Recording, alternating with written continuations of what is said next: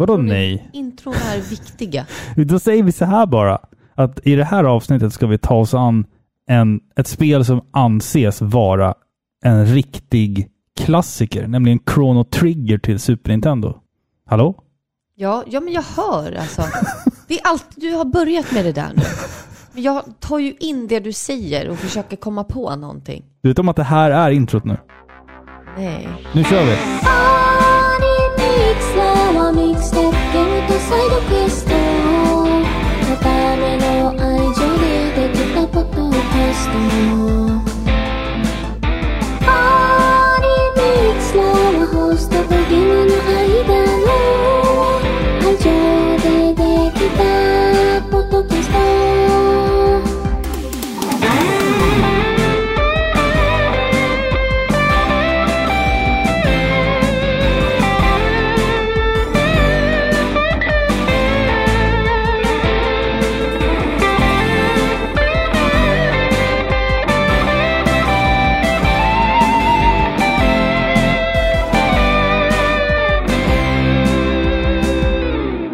Prislappen sitter kvar på dina hörlurar. Jag vet det. 50 kronor. Jag vet. Jag har inte, jag har inte råd med mer. Hejsan och hjärtligt välkomna ska ni vara till Sveriges mest kärleksfulla tv-spelspodcast Par i pixlar. Jag som sitter och pratar nu heter Robin och mitt emot mig sitter som vanligt min fru Filippa. Hej! Fru. Ja, frusen. Fru. Frus, frusen. Fru, Ja. fru sen tio år. Ja, Ja, hur gick det till? ja det undrar Jag vet också. Alltså. Vet du vad du också har? Nej, Nu vet jag inte om du tar med det jag sa innan, men Mm. eh, förutom att du har kvar prislappen på dina begagnade hörlurar, ja, där det står 50 kronor, ja. så har du även ett, ett plåster med Lille Skutt På, ja, just det. Du har på sett axeln. det. Ja. Ja, fin. Jag, hörlurarna kan jag förklara med att jag måste köpa nya. Eh, Vi, vi kommer dit alldeles strax, men eh, plåstret har jag för att jag råkade klia bort en Ja, leverfläck lägg idag. av, usch. En leverfläck råkade jag klia bort. Och hypokondrisk som jag är, så började jag googla och fick panik. Mm. Eh, av många Det anledningar. är också sen gammalt. Det är också sen gammalt Ja. att jag får panik för sånt här. Och jag går ju och, och har ångest inför onsdag eh, den här veckan när jag ska på en kolonoskopi. Nej, Nej, gastro, på- Ja, gastroskopi. exakt. Men jag ska eventuellt göra en kolonoskopi ska också. med våld trycka ner en slang i halsen på dig. Jag är jävligt Den osugen. Är, den är lång. Ja. Alltså jag får, ja, det, det, känns, det känns inte kul det här. Det känns jättejobbigt att prata om det. Det kommer gå jättebra. Jag, är, jag har alltså grov ångest. Det är bara blunda och andas. Ja. Andas, andas, andas. Hur mår du? Ja, men vi har varit sjuka. Ja. Så det är därför jag låter lite så här whisky. Du har varit Ish. sjuk. Jag är aldrig sjuk. Det är jättemärkligt att du inte blev sjuk den här omgången. Fast det kommer komma. Ja, ja. Då kommer det komma med storm. Det gör det Absolut. alltid. Och sen blir jag liksom lamslagen i två veckor. Ja, exakt. Det brukar vara så för mig. i alla men så fall. jag och ungarna har varit sjuka och det har varit för jävligt liksom. Men eh, ja, annars är det som vanligt. Ja. Man är stressad och har ångest och livet rullar vidare. Mm, du pluggar eh, och jag håller på att spela in en skiva. Ja, Det är, det är oförändrat på den ja fronten. det är mycket nu. Det är Det är jättemycket nu. jätte, jättemycket. Vi glömmer bort liksom vilken dag det är ens. Ja. Typ. Du har jättemycket i plugget. Ja. Eh, och jag har Herregud. hållit på med den här skivan nu i, jag vet inte hur länge. Och jag har startat ja. företag. Ja, det också. Ett, det ett här- jävla AB också. Inte Ja. KB, utan ett jävla AB. Gud ja. Det ska, fint ska det vara. Vad fan är det som händer? Jag kommer säga upp mig snart. Jag kommer inte behöva jobba Men lägg längre. av. Ja. Du kan inte göra det. För, för jag ska återkomma till de här hörlurarna. Ja, gör det. Jag var tvungen att ta de här för att vi har ett par som har gått sönder. Ja. Eh, Var det det? nej, det jag skulle säga var, vill man stötta den här podden ekonomiskt så att jag ska kunna köpa nya hörlurar så får man jättegärna göra det på patreon.com. Så Robin kan få ett par nya hörlurar? Ja, patreon.com snedstreck paripixlar. Det kostar 30 kronor i månaden eh, för att jag ska kunna ha råd att köpa nya hörlurar. Robin, jag kan köpa ett par nya Nej, men hörlurar vi- åt dig. Du nu- fyller år snart. Nu ska vi crowdsourca ett par schyssta hörlurar åt mig här tänkte jag. Det är liksom målet med nästa, vad? nästa månads Patreon. Vet du vad Robin? Berätta. Det här är ett sånt här avsnitt där du kommer behöva klippa massor. Ja. Ja, för att jag kommer behöva hosta Mm. nu. Oj, oj, oj. Jag ska klippa ihop alla hostningar i Nej, slutet det på ska du inte. Det är Som jag äckligt. brukar göra. Det är ingen som vill lyssna på det. Det här avsnittet i alla fall Det känns som Ja. att vi måste kasta oss in i det med en gång. Ja. Eh, för att så här, För det är en shitload med information. jag är lite nervös inför det här avsnittet. För Jaha. att Chrono Trigger är ett sånt massivt spel med en sån jävla enorm legacy. Så det känns omöjligt att i ett avsnitt täcka allt som spelet har att erbjuda. Liksom. Så om vi missar något, kanske ett spelmoment eller en av skaparnas namn, så, Halshugg oss inte. så häng oss inte eller halshugg oss inte. För Chrono Trigger är ett spel som man kan prata om egentligen hur länge som helst. Absolut. Får jag bara säga att det här har, trots att jag kanske låter lite så här låg nu, jag, jag får skylla på att jag har varit lite sjuk Mm. Ja, nu, ja, ja, liksom. ja, absolut. Men det har varit jätteroligt att äntligen få spela det här spelet. Mm. Det här har varit på min eh, Skämslista. skämslista Mm. jättelänge. Men jag har även liksom vuxit upp och tänkt att det här spelet är ett sånt här barndomsspel som jag har missat. Mm. Men saken är att det är ju inte det. Nej. För det har ju inte släppts. Det här spelet är ju inte som eh, Legend of Zelda. Liksom, eftersom det inte ens släpptes i Europa. Exakt. Så det är långt ifrån alla som har spelat det här spelet.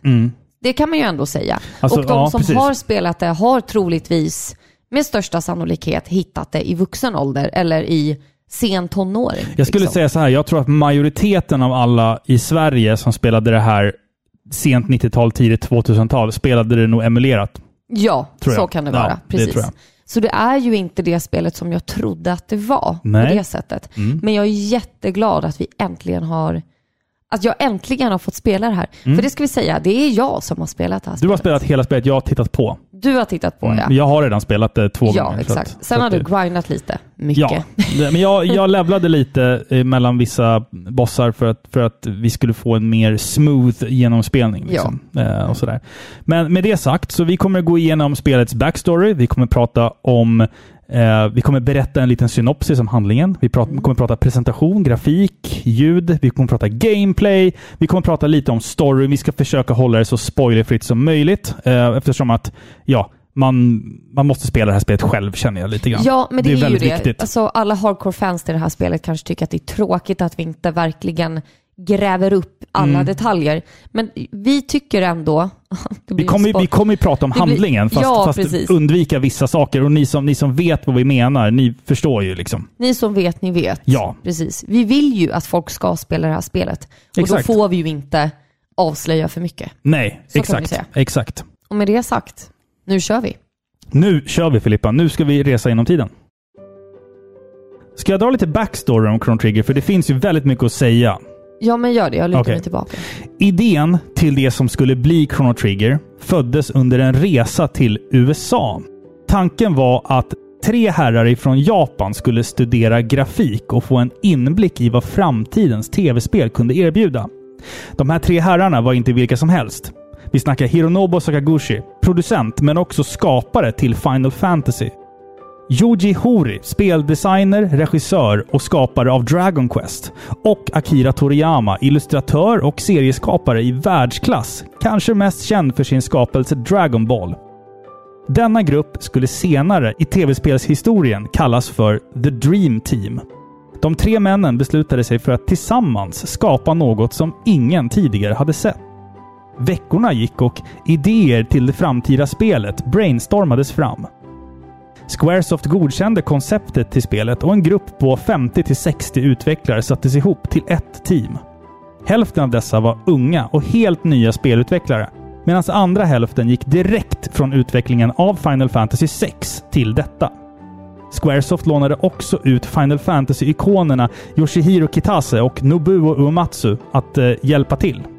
Tanken var från början att spelet skulle släppas till Super Nintendos Disk Drive. Ni vet den där konstiga Nintendo Playstation. Och då dra nytta av CD-ROM-teknikens alla fördelar såsom till exempel datalagring.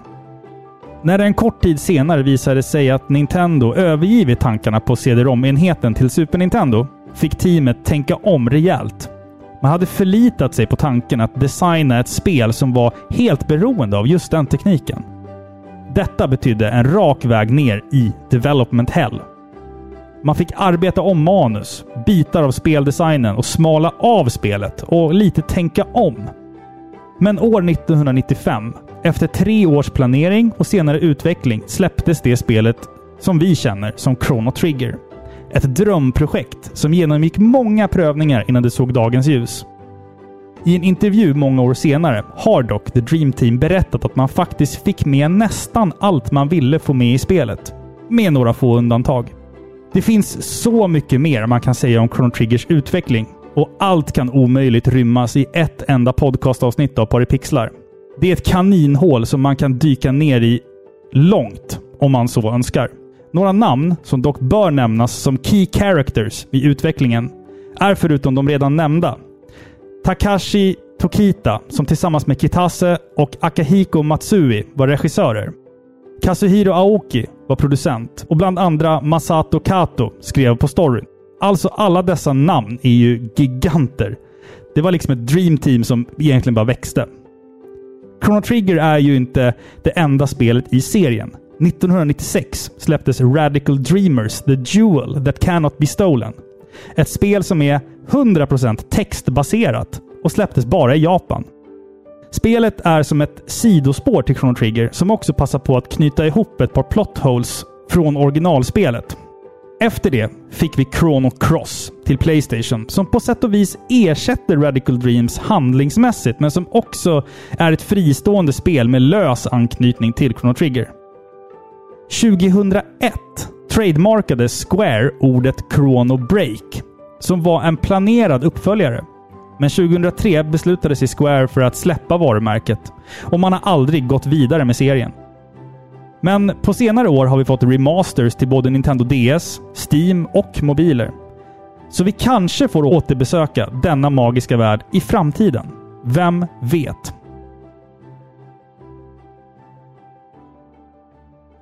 Det var lite backstory till Chrono Trigger. Ja, spännande. Alltså du vet, jag skulle kunna läsa en text som är en timme längre än Jo, det där. Det här, det här det. är verkligen nerklippt. Eh, Ja, och just för att det är så pass kända och legendariska namn som ligger bakom det här så är ju det intressant. ja, ja, jag kände att jag ville liksom... jag- Ändå få med ja, det. Ja. Precis. Ja, men jag förstår det. Men som sagt, det här är ju inte en podd om skapandet av Nej, precis. Men jag, jag känner att liksom den aspekten, the legacy, liksom, Absolut. var viktig att få in här lite grann. Så det var lite, lite his, historielektioner. Ja, men absolut. Men för er som inte vet så, Chrono Trigger är ju ett japanskt rollspel, släpptes till Super Nintendo i USA och Japan för många år sedan. Vi fick det aldrig i Europa. Vi fick det först när det kom till Nintendo DS, tror jag. Om man inte emulerade skiten på Precis. back in the day liksom. Jag har skrivit en jättelång story till det här spelet. Ja. Alltså jättelång. Så att Ja, men det vill... är bara att starta. Ja, det blir liksom lite så här sagostund light här Ja, kan jag säga. det- För det, Sätt stämningen nu. Ja. Nu, nu sitter vi runt äh, lägerelden. det, här kommer Alla ta, samlade. ja, det här kommer ta ett tag alltså. Så att, Okej. så att ni vet det. Ja.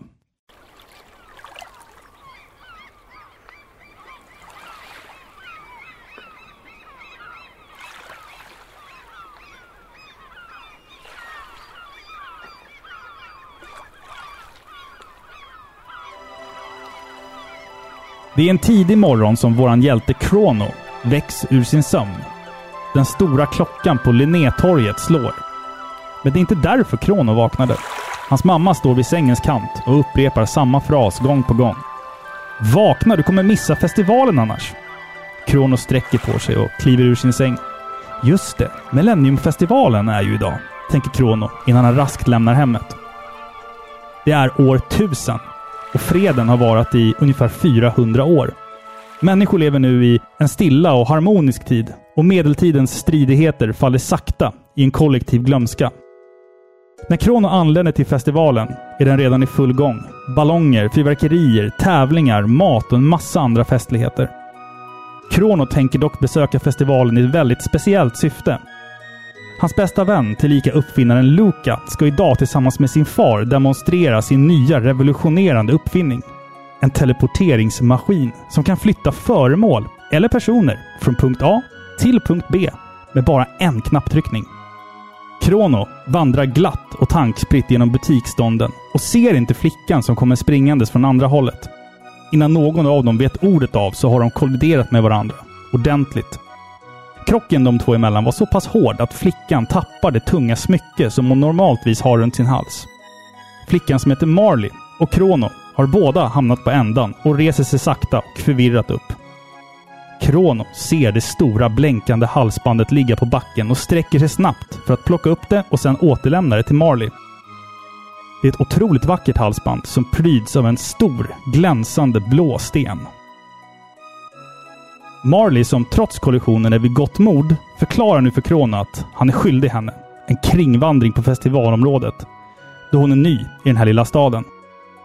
Efter en stunds övervägande accepterar Krono förslaget och de två tar del av allt som festivalen har att erbjuda. Krono erbjuder till slut Marley att följa med och titta på Lukas teleporteringsmaskin som en perfekt avslutning på dagen. Men innan dess köper de godis. Luca och hennes pappa befinner sig lite utanför festligheterna och arbetar för fullt med de sista förberedelserna inför den stora demonstrationen. När Luca ser Krono bland alla nyfikna åskådare fylls hon snabbt av glädje och spänning. Nu är de sista justeringarna åtgärdade och Luca tar ton. Stig på, stig på! Du där som har modet att bevittna våran superdimensionella varp! Årtusendets uppfinning. Publiken tittar förvirrat på scenen. Ingen av dem vågar närma sig. Är det maskinen de är rädda för? Eller är det kanske Lukas episka utspel om den som skrämmer mest? Krono börjar gå fram mot scenen, som den goda kamrat han är.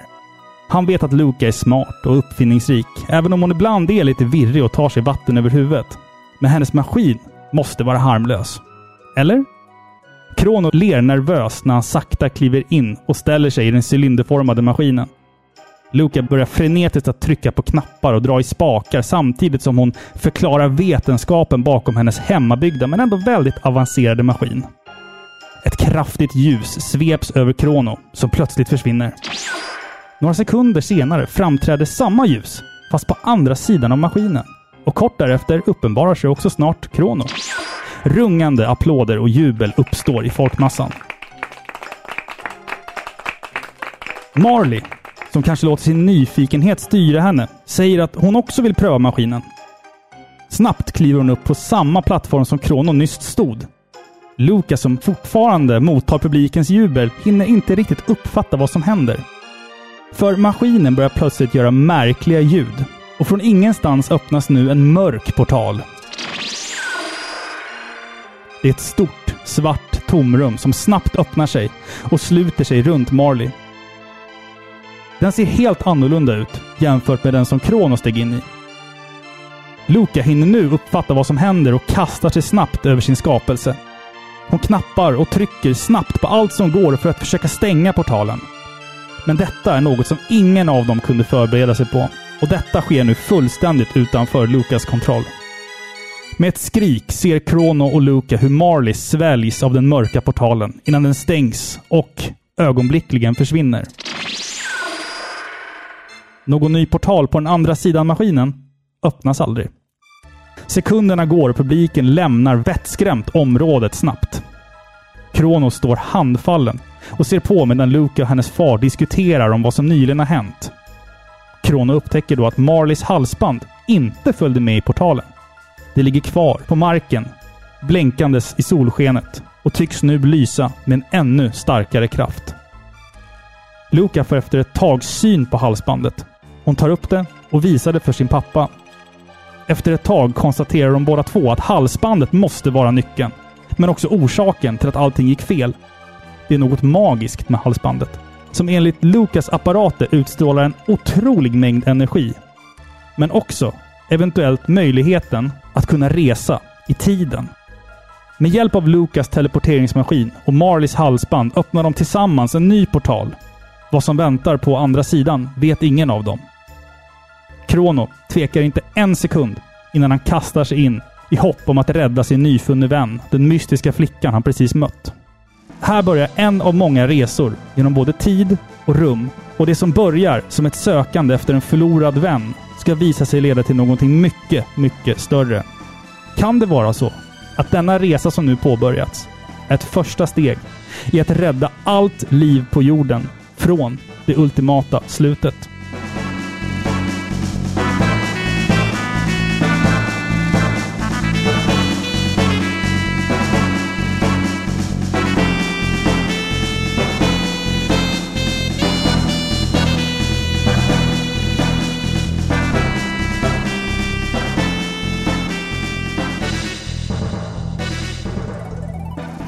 Ja, det där var långt. Bra jobbat. Tack. Ja, Det, det är fan jobbigt alltså. Med så ja men här, jag förstår. Man tappar andan liksom. Ja, man gör det, men jag tyckte ja, jag hoppas att ni liksom förstod vad spelet handlar om lite. Ja, men jag tycker det, du sammanfattade det Ja. ganska bra. Det är tidsresor och Ja. liksom lite sådär. Men vi kommer ju komma tillbaka till storyn sen, Mm. vad vi tyckte om den, spoilerfritt såklart då. Jag tycker vi börjar med att prata lite så grafik, presentation, grafik och miljöer och sånt liksom. Eller hur? För det är ett ganska, det är ju ändå ett ganska viktigt element i det här spelet. För det är ju väldigt tydligt att det är Akira Toriyama som har utvecklat och skapat karaktärerna. Mm. Ja. Deras design. Och jag tycker att det här spelet är så otroligt charmigt. Otroligt gulligt. Grafiken är jättevacker. Jag uppskattar att den är så otroligt detaljerad faktiskt. I de här väldigt spännande miljöerna och det är otroligt varierat också. Alltså det är ju, det är ju väldigt mjuka miljöer. Ja, man, kan man man säga. säga så? Alltså Ja, om, om man gulligt. tänker, ja precis, det är gulligt och det är, det är så mycket detaljer i allting. Ja, Och det är väldigt sällan, eh, jag tror jag har skrivit i mina anteckningar också här, eh, kanske kommer till det senare, men att det är väldigt sällan som man återanvänder någonting mer än en gång. Alltså en asset, en buske eller ett träd. Det är väldigt sällan man ser ett, ett, ett, liksom ett identiskt träd två gånger. precis. Det är väldigt varierat. Så det känns liksom handmålat ibland. Ja, Liksom, exakt på något så. sätt. Och sen tycker jag om, eh, jag vet inte om det är just den här tekniken som har använts, men parallax-scrollning. Mm. Jag vet inte om det är den som, men olika djup Ja, liksom på exakt. samma Ja. sida. Den används ju väldigt, väldigt ofta. Mm. Den gillar jag, men ibland tyckte jag att det var lite svårt när vi var typ inne i sådana här instängda områden, Mm, till ja. exempel grottsystem. Då tyckte jag att det var väldigt svårt. Då, då blir man disorienterad. Det är svårt att se, så vad är en bro? Ja, vad är en exakt. trappa Vilken ner? nivå är jag på? Ja, exakt, exakt. Så i den aspekten så tyckte jag att det var svårt. Andra Mm. spel gör det mycket bättre. Men överlag så tycker jag att grafiken och miljöerna är fantastiska och de är bra varierade, om man Mm. säger så. Det är väldigt tydligt liksom vilken känsla de ska förmedla och ge mig som spelar spelet. Kan jag säga så här att det är kanske det snyggaste spelet på Super Nintendo förutom Super Metroid? Ja, du kan säga så. Alltså, det är egentligen ingen hemlighet att man i det här spelet besöker en massa olika platser och miljöer. Och oavsett vart man än är så känns det som du sa, att det känns inte som att man har, att man har använt samma asset två gånger. Varje träd och buske känns eh, unik. Och varje plats har liksom sin egen färgton, sin egen grönska, hus och har olika möbler. Och det ger ju en speciell känsla Ja. som ska matcha med den tiden som de ska vara i. Mm, exakt. Det märks att det här är gjort med, med kärlek. Ja, ja, ja absolut. absolut. Ja, men det här är ett sånt spel där det verkligen känns som att det är gjort med hjärtat. Ja Liksom. men det är verkligen det. De har verkligen tänkt till. mm.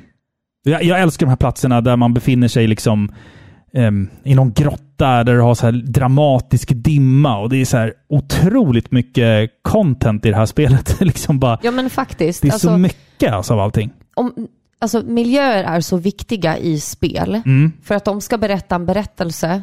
Du ska komma till en plats och du ska förstå vad som har hänt här, även om det är, inte är uttalat. Mm. Och jag tänker att det är lätt att skapa glada miljöer. Förstår du?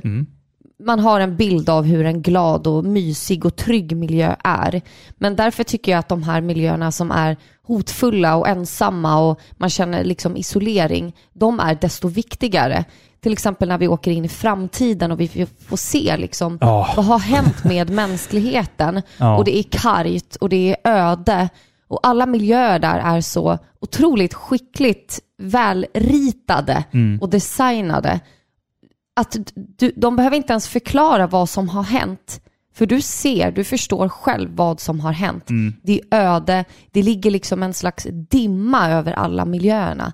Som att dammet har inte lagt sig riktigt än från Nej, den exakt, här stora exakt, ja. förödelsen som har liksom skett Ja. mänskligheten och allting är trasigt. Man ser spår kvar från civilisationen men det är dammigt och det är liksom spindelväv, det är den här tjocka dimman. Det känns hemsökt nästan.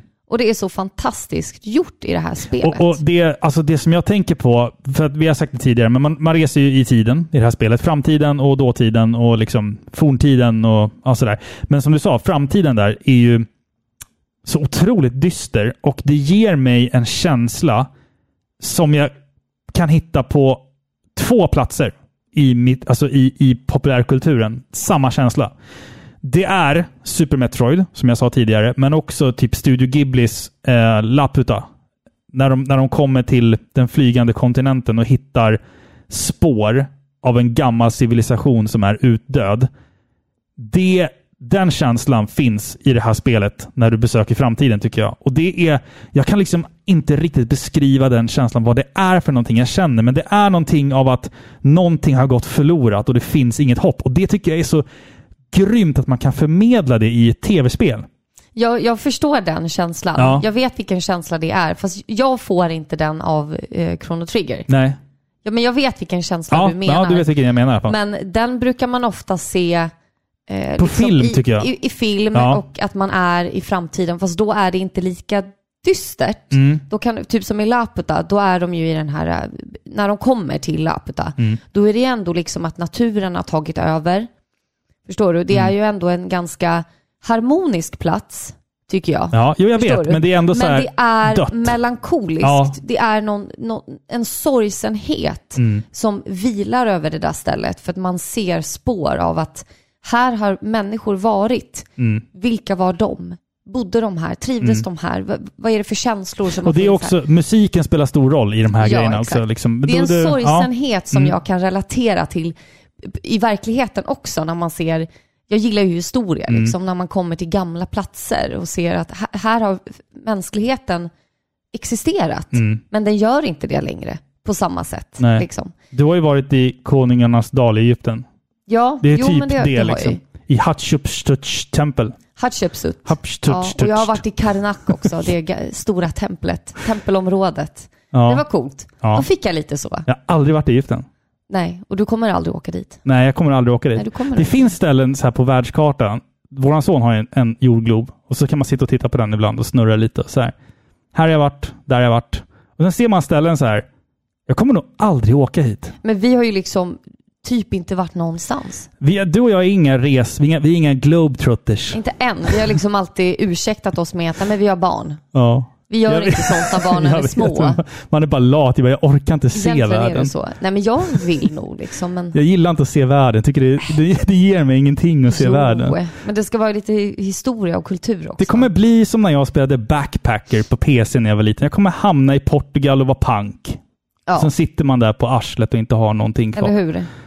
Backpacker, kommer du ihåg det spelet? Nej, Spelar du aldrig backpacker? nej. Nej. Det vet jag ingenting Men om. det, det är ju så här quizspel. Du ska resa runt i jorden och så ska du svara Och på så blir frågor. man fast någonstans och väntar på ett så här uh, free jail card. Eller nej, det är monopol. Ja. Det är typ som... Ja, men det är lite som Monopol fast du reser runt i världen och så... Jag är bara rädd liksom. Så att hamna någonstans. Jag har tittat på för mycket filmer. Ja. Det blir någon himla hostelsituation liksom. Så Oj. hamnar vi på något så här vandra hem. Det krävs nog att du går, besöker väldigt shady ställen för att du ska få vara med om samma scenario som Ja, men man vet, karaktärerna i man vet Hostel. aldrig med mig. Nej. jag. Du har i och för sig varit på, du har, du har ju varit i så här shady, får man, får man säga, det här kanske inte är PK, men att du, du har ju varit liksom i Transylvanien och bott på vandrarhem och grejer. Det känns Ja. ju lite shady. Ja, men jag har gjort lite shady saker i mina dagar. Jo, men jag har, gjort, jag har gjort resor i mitt liv som jag inte hade vågat göra idag. Du och din morsa åkte själva till Rumänien. Ja, det gjorde vi. Jag fattar inte att Man min vågar det. pappa släppte iväg oss. Det är liksom... Åkte på så här trånga tåg och hamnade på någon buss där och mitt i natten letade efter hotell. Nej, och vilken jävla Satt mardröm oss i en alltså. bil liksom med en okänd man som skulle ta oss till ett very good hotel. I promise you, very good Ah. hotel, very good price. Vi kunde ha hamnat var som helst liksom. Ja, Men vi hamnade på ett jättebra hotell. och vi har just nu hamnat väldigt långt ifrån Chrono Ja, ja, Trigger gud ja. Tillbaka. Vi har pratat ja, men grafik jag och här. miljöer. Jag tycker, alltså, Chrono Trigger är ju ett fantastiskt spel. Eh, och det är ju faktiskt lite större än ett standard Super Nintendo-spel. De, den här kassetten innehåller ju faktiskt 32 megabit, vilket var ovanligt. Och därför så är, var spelet också lite dyrare när det släpptes i butik, för att det var liksom mer minne du fick för pengarna, så att säga spelets premiss är att vi ska utforska liksom samma värld, fast i olika tidsåldrar. Och tittar man då på worldmappen varje gång så ser den annorlunda ut. Men om man tittar liksom på den i kronologisk ordning, alltså vi besöker forntiden först och sen liksom går framåt i tiden några hack, då ser man att det är samma värld fast kontinenterna har flyttat lite på sig och vissa liksom halvöar försvinner och så växer upp en ny ute till Pangea. havet. Det är liksom, det är alltså det är genomtänkt. Ja, det är så snyggt. Jag alltså. gillar det här. Och Alltså. det här, vi kommer ju in lite på det här med sidequests och sånt, Mm. men det är ju här man upptäcker saker. Mm. Men vänta, vad är det här? Den här grottan fanns inte för 600 år sedan, men nu finns den. Eller så här, Eller tvärtom. Vad kan det vara? Mm. Om jag gör någonting i det här slottet för, och sen reser framåt tusen år i tiden. Vad har hänt vad då? har hänt då? För jag gjorde ju det där. Det är så man löser problem. Okej, jag kommer Ja, inte in i den här ja. grottan nu, Mm. men om jag ändrar någonting i dåtiden. ja. Mm. Vi kommer komma in på det här lite mer senare här, men, men eh, en annan sak också som, som jag faktiskt bara måste klämma in innan jag glömmer det, som har med liksom spelets grafik att göra. Spelet är ju sett, alltså top-down. Man ser liksom uppifrån lite snett sådär, eller man ska säga. Ehm, och vissa strider i det här spelet, klassiska JRPG-strider, så är det sett från sidan. Alltså Ja. 2D-vy. Helt otroligt. Ja, Alltså att man leker med perspektiven och får det att se så bra ut. För till exempel, vi har ju en bossfight som utspelar sig eh, på, på en bro. Och då ser man allt från sidan. Det, alltså, det är så här, när, jag, när jag såg det första gången, man bara... Det här är genialiskt. Ja, men det är ju det. Det känns som att de verkligen har utforskat alla olika typer av gameplay Ja, i ja. det här spelet. Det finns så många olika moment i det här spelet där du ställer dig frågan, spelar jag verkligen ett JRPG nu? Spelar jag ett, spelar jag ett Super Nintendo-spel? Ja, känner jag det ofta. också. Det är väldigt, väldigt framåt för sin tid. Ja. Och sen så har man ju de här fantastiska miljöerna. Alltså, tidigt i spelet, när man kommer till en rättssal och ska bli dömd för någonting, eller friad från någonting. Bara den scenen är ju liksom, du vet, den panorerar upp till de här stora glasrutorna. Man bara så här, vad är det jag ser? Alltså är det här ett Super Nintendo som gör det Eller här? hur? Det är Jag så tänk, imponerande grafiskt. och jag tänker på den här scenen när du ska tävla i en liten motorcykel eller bil. Ja, ja, ja, ja, precis. Och den scenen utspelar sig ju också från sidan. Ja, Och du ser bakgrunderna som ändras Mm. liksom, ju närmare du kommer målet. Mm. Och det tyckte jag var riktigt, riktigt snyggt gjort. För det känns verkligen som att du åker superfort. ja. Liksom. Och det, det är så snyggt gjort alltså. Det är ju Mode, Mode 7-effekten. Är det ju, som vi också använder i bland annat Final Fantasy-spelen när du ska resa på världskartan. Och, ja, du men vet, precis. Ja. Det är snyggt. Ja, det är det. Man har, man har lekt med alla olika perspektiv man kan göra. Jag tror inte att man på ett Super Nintendo kunde maxa eh, grafiken mer än vad man faktiskt har gjort i det här spelet. Mm. Och vi kommer ju komma in på det här med eh, karaktärer och sånt också här. Att det, det ser ju så bra ut. Alla specialeffekter är ju liksom helt otroligt vad det ser bra ut. Alltså. Ja, men det är ju nästa punkt vi tänkte prata om Mm, faktiskt. mm. Alltså hur alla sprites ser ut, hur karaktärerna ser ut och framförallt animationerna. Och alltså det här, jag blev jätteimponerad. Nu har man ju spelat lite Super Nintendo. Mm. Bara jag har sysslat med det här i över ett decennium nu. Kan jag säga att jag har spelat Super Nintendo? Ja, det kan Ja, jag. det kan man göra. Men jag blev väldigt, väldigt imponerad Mm. av animationerna framför allt. Sprites och grafik, det ser jättebra ut, ja, men animationerna, det är så detaljerat, det är så välgjort. Och jag bara tänker, oavkortat nu på karaktären Luca som är en liten finurlig Mm. eh, och intelligent eh, liksom uppfinnar Quirky. tjej. Ja, Quirky, ja. ja. precis. När hon sitter på den här, hon sitter ovanpå axeln på en av Mm. eh, robotfigurerna man stöter på, som också är en karaktär. Och hon sitter liksom och meckar där, hon skruvar och det, det flänger muttrar och det är allting. Och man ser vad hon gör. Det är inte Mm. Bara vet, ja. De har inte försökt dribbla bort det här, utan alla animationer är så välgjorda och Mm. på plats liksom. Ja, men jag måste, få, Vackert. jag, jag måste få säga en grej här som jag, som jag kommer att tänka på nu. Det här. Nu ska du få höra min train of thought här. Jag tänker på karaktären Luca, som är liksom den här lite quirky karaktären. Hon påminner ju lite om ehm, karaktär, karaktären Welma i Scooby-Doo. Ja. Heter hon ja. Welma? Ja. ja. Hon den smarta Ja, den smarta, nördiga. Ja. Jag såg, en, jag, jag, såg ett klipp ifrån Scooby-Doo när hon och Fred är ute och går någonstans vid något bergigt område. Och sen stå, så, då säger Fred så här äh, att den här, this place reminds me of women.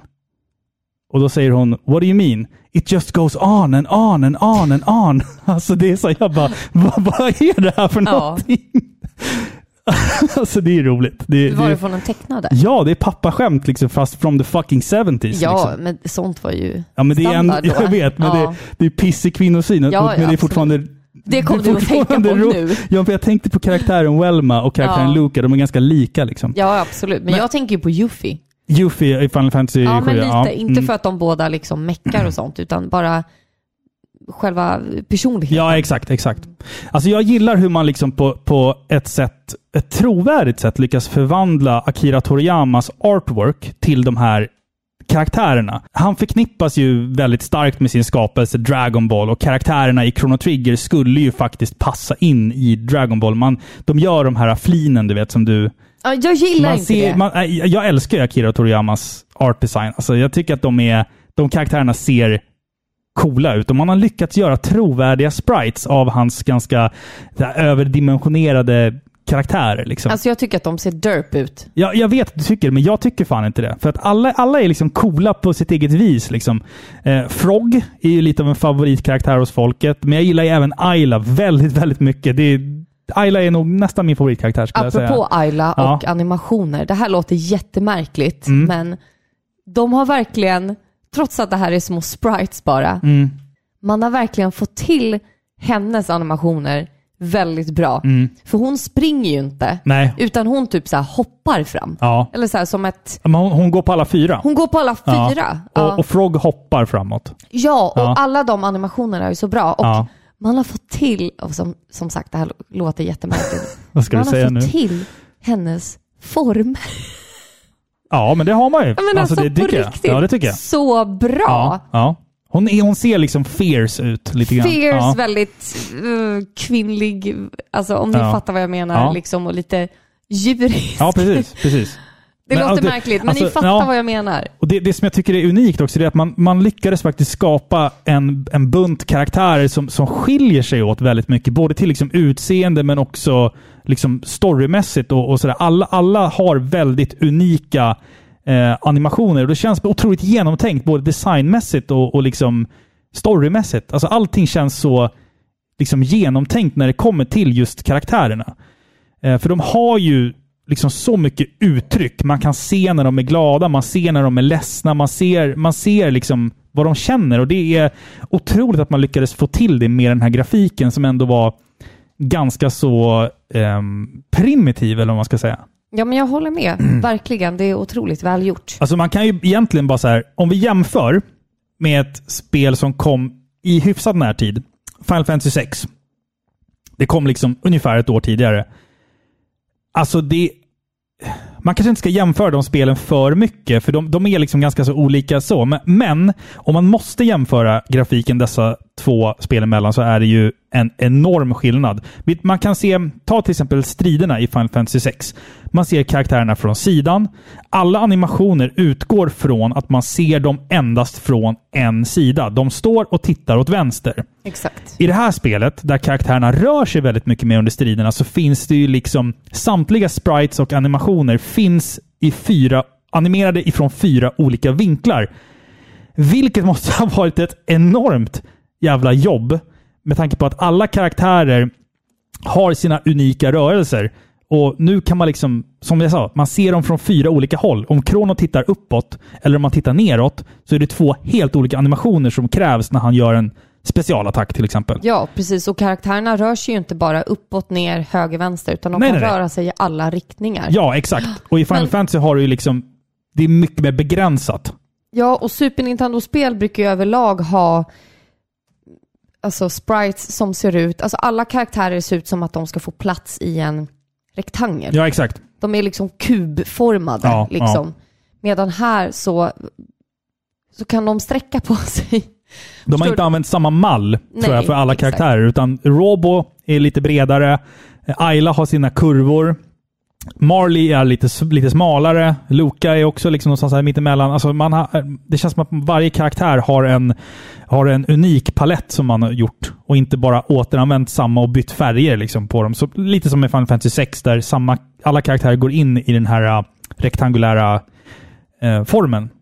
Precis. Stridsanimationerna i det här spelet är ju någonting som vi måste prata om. För alltså, om man på något sätt skulle försöka göra om en 90-tals-anime till ett tv-spel, då skulle det bli så här. Alltså allting Ja. känns så här anime-coolt. Kolla på Chrono och Frogs, den här kryssattacken där de attackerar Ja. som ett kryss. Är det är häftigt alltså. Alltså, kom igen! Alltså, det är väldigt det är, pampigt liksom. det är så stört coolt. Alltså, Hur mycket anime är inte det liksom? Och, ehm, min favoritattack i det här spelet, det illustreras ju på spelets omslag. Alltså Frog lägger sig på backen och låtsas spela död. Och så använder Krono honom som en studsmatta och hoppar på honom. Och i luften så står Luca och skjuter på Kronos svärd. Så att han får ett magiskt svärd och så attackerar han fienden på det. Och det här illustreras alltså i spelets 2D-grafik in-game. Ja. Och man bara, hur har de fått det att se så här bra ut? Det och måste man ju vara... ser ju vad de gör. Man ser ju så tydligt vad de gör det också. är inte bara ett virvar. Det är inte att karaktärerna står på varsin sida, Nej. snurrar och sträcker upp svärdet så är det klart. Exakt. Utan man ser vad de gör och de interagerar med varandra. Ja. Det här är liksom pixelakrobatik på Ja, ja. extrem nivå. Och som jag sa tidigare, den här animationen är skitcool och unik. Och den finns att se från fyra olika håll. Ja. Baserat på hur karaktärerna står i Precis. förhållande till varandra på, på, slags, eh, på the battlefield. Mm. Alltså hur coolt som helst alltså. Det, det, jag, har, jag har aldrig sett någonting liknande på Super Nintendo. Nej, det är väldigt är imponerande. väldigt unikt. Och sen alltså, jag, jag, jag kan sitta och snacka om det här spelet i flera timmar, men det här enorma bossgalleriet. Ja, Man har visst. inte sparat på krutet där alltså. Nej, gud nej. Alltså de kommer i alla möjliga former. Och apropå, alltså, apropå bossar, de, det är ju som är the big one liksom. Mm, mm.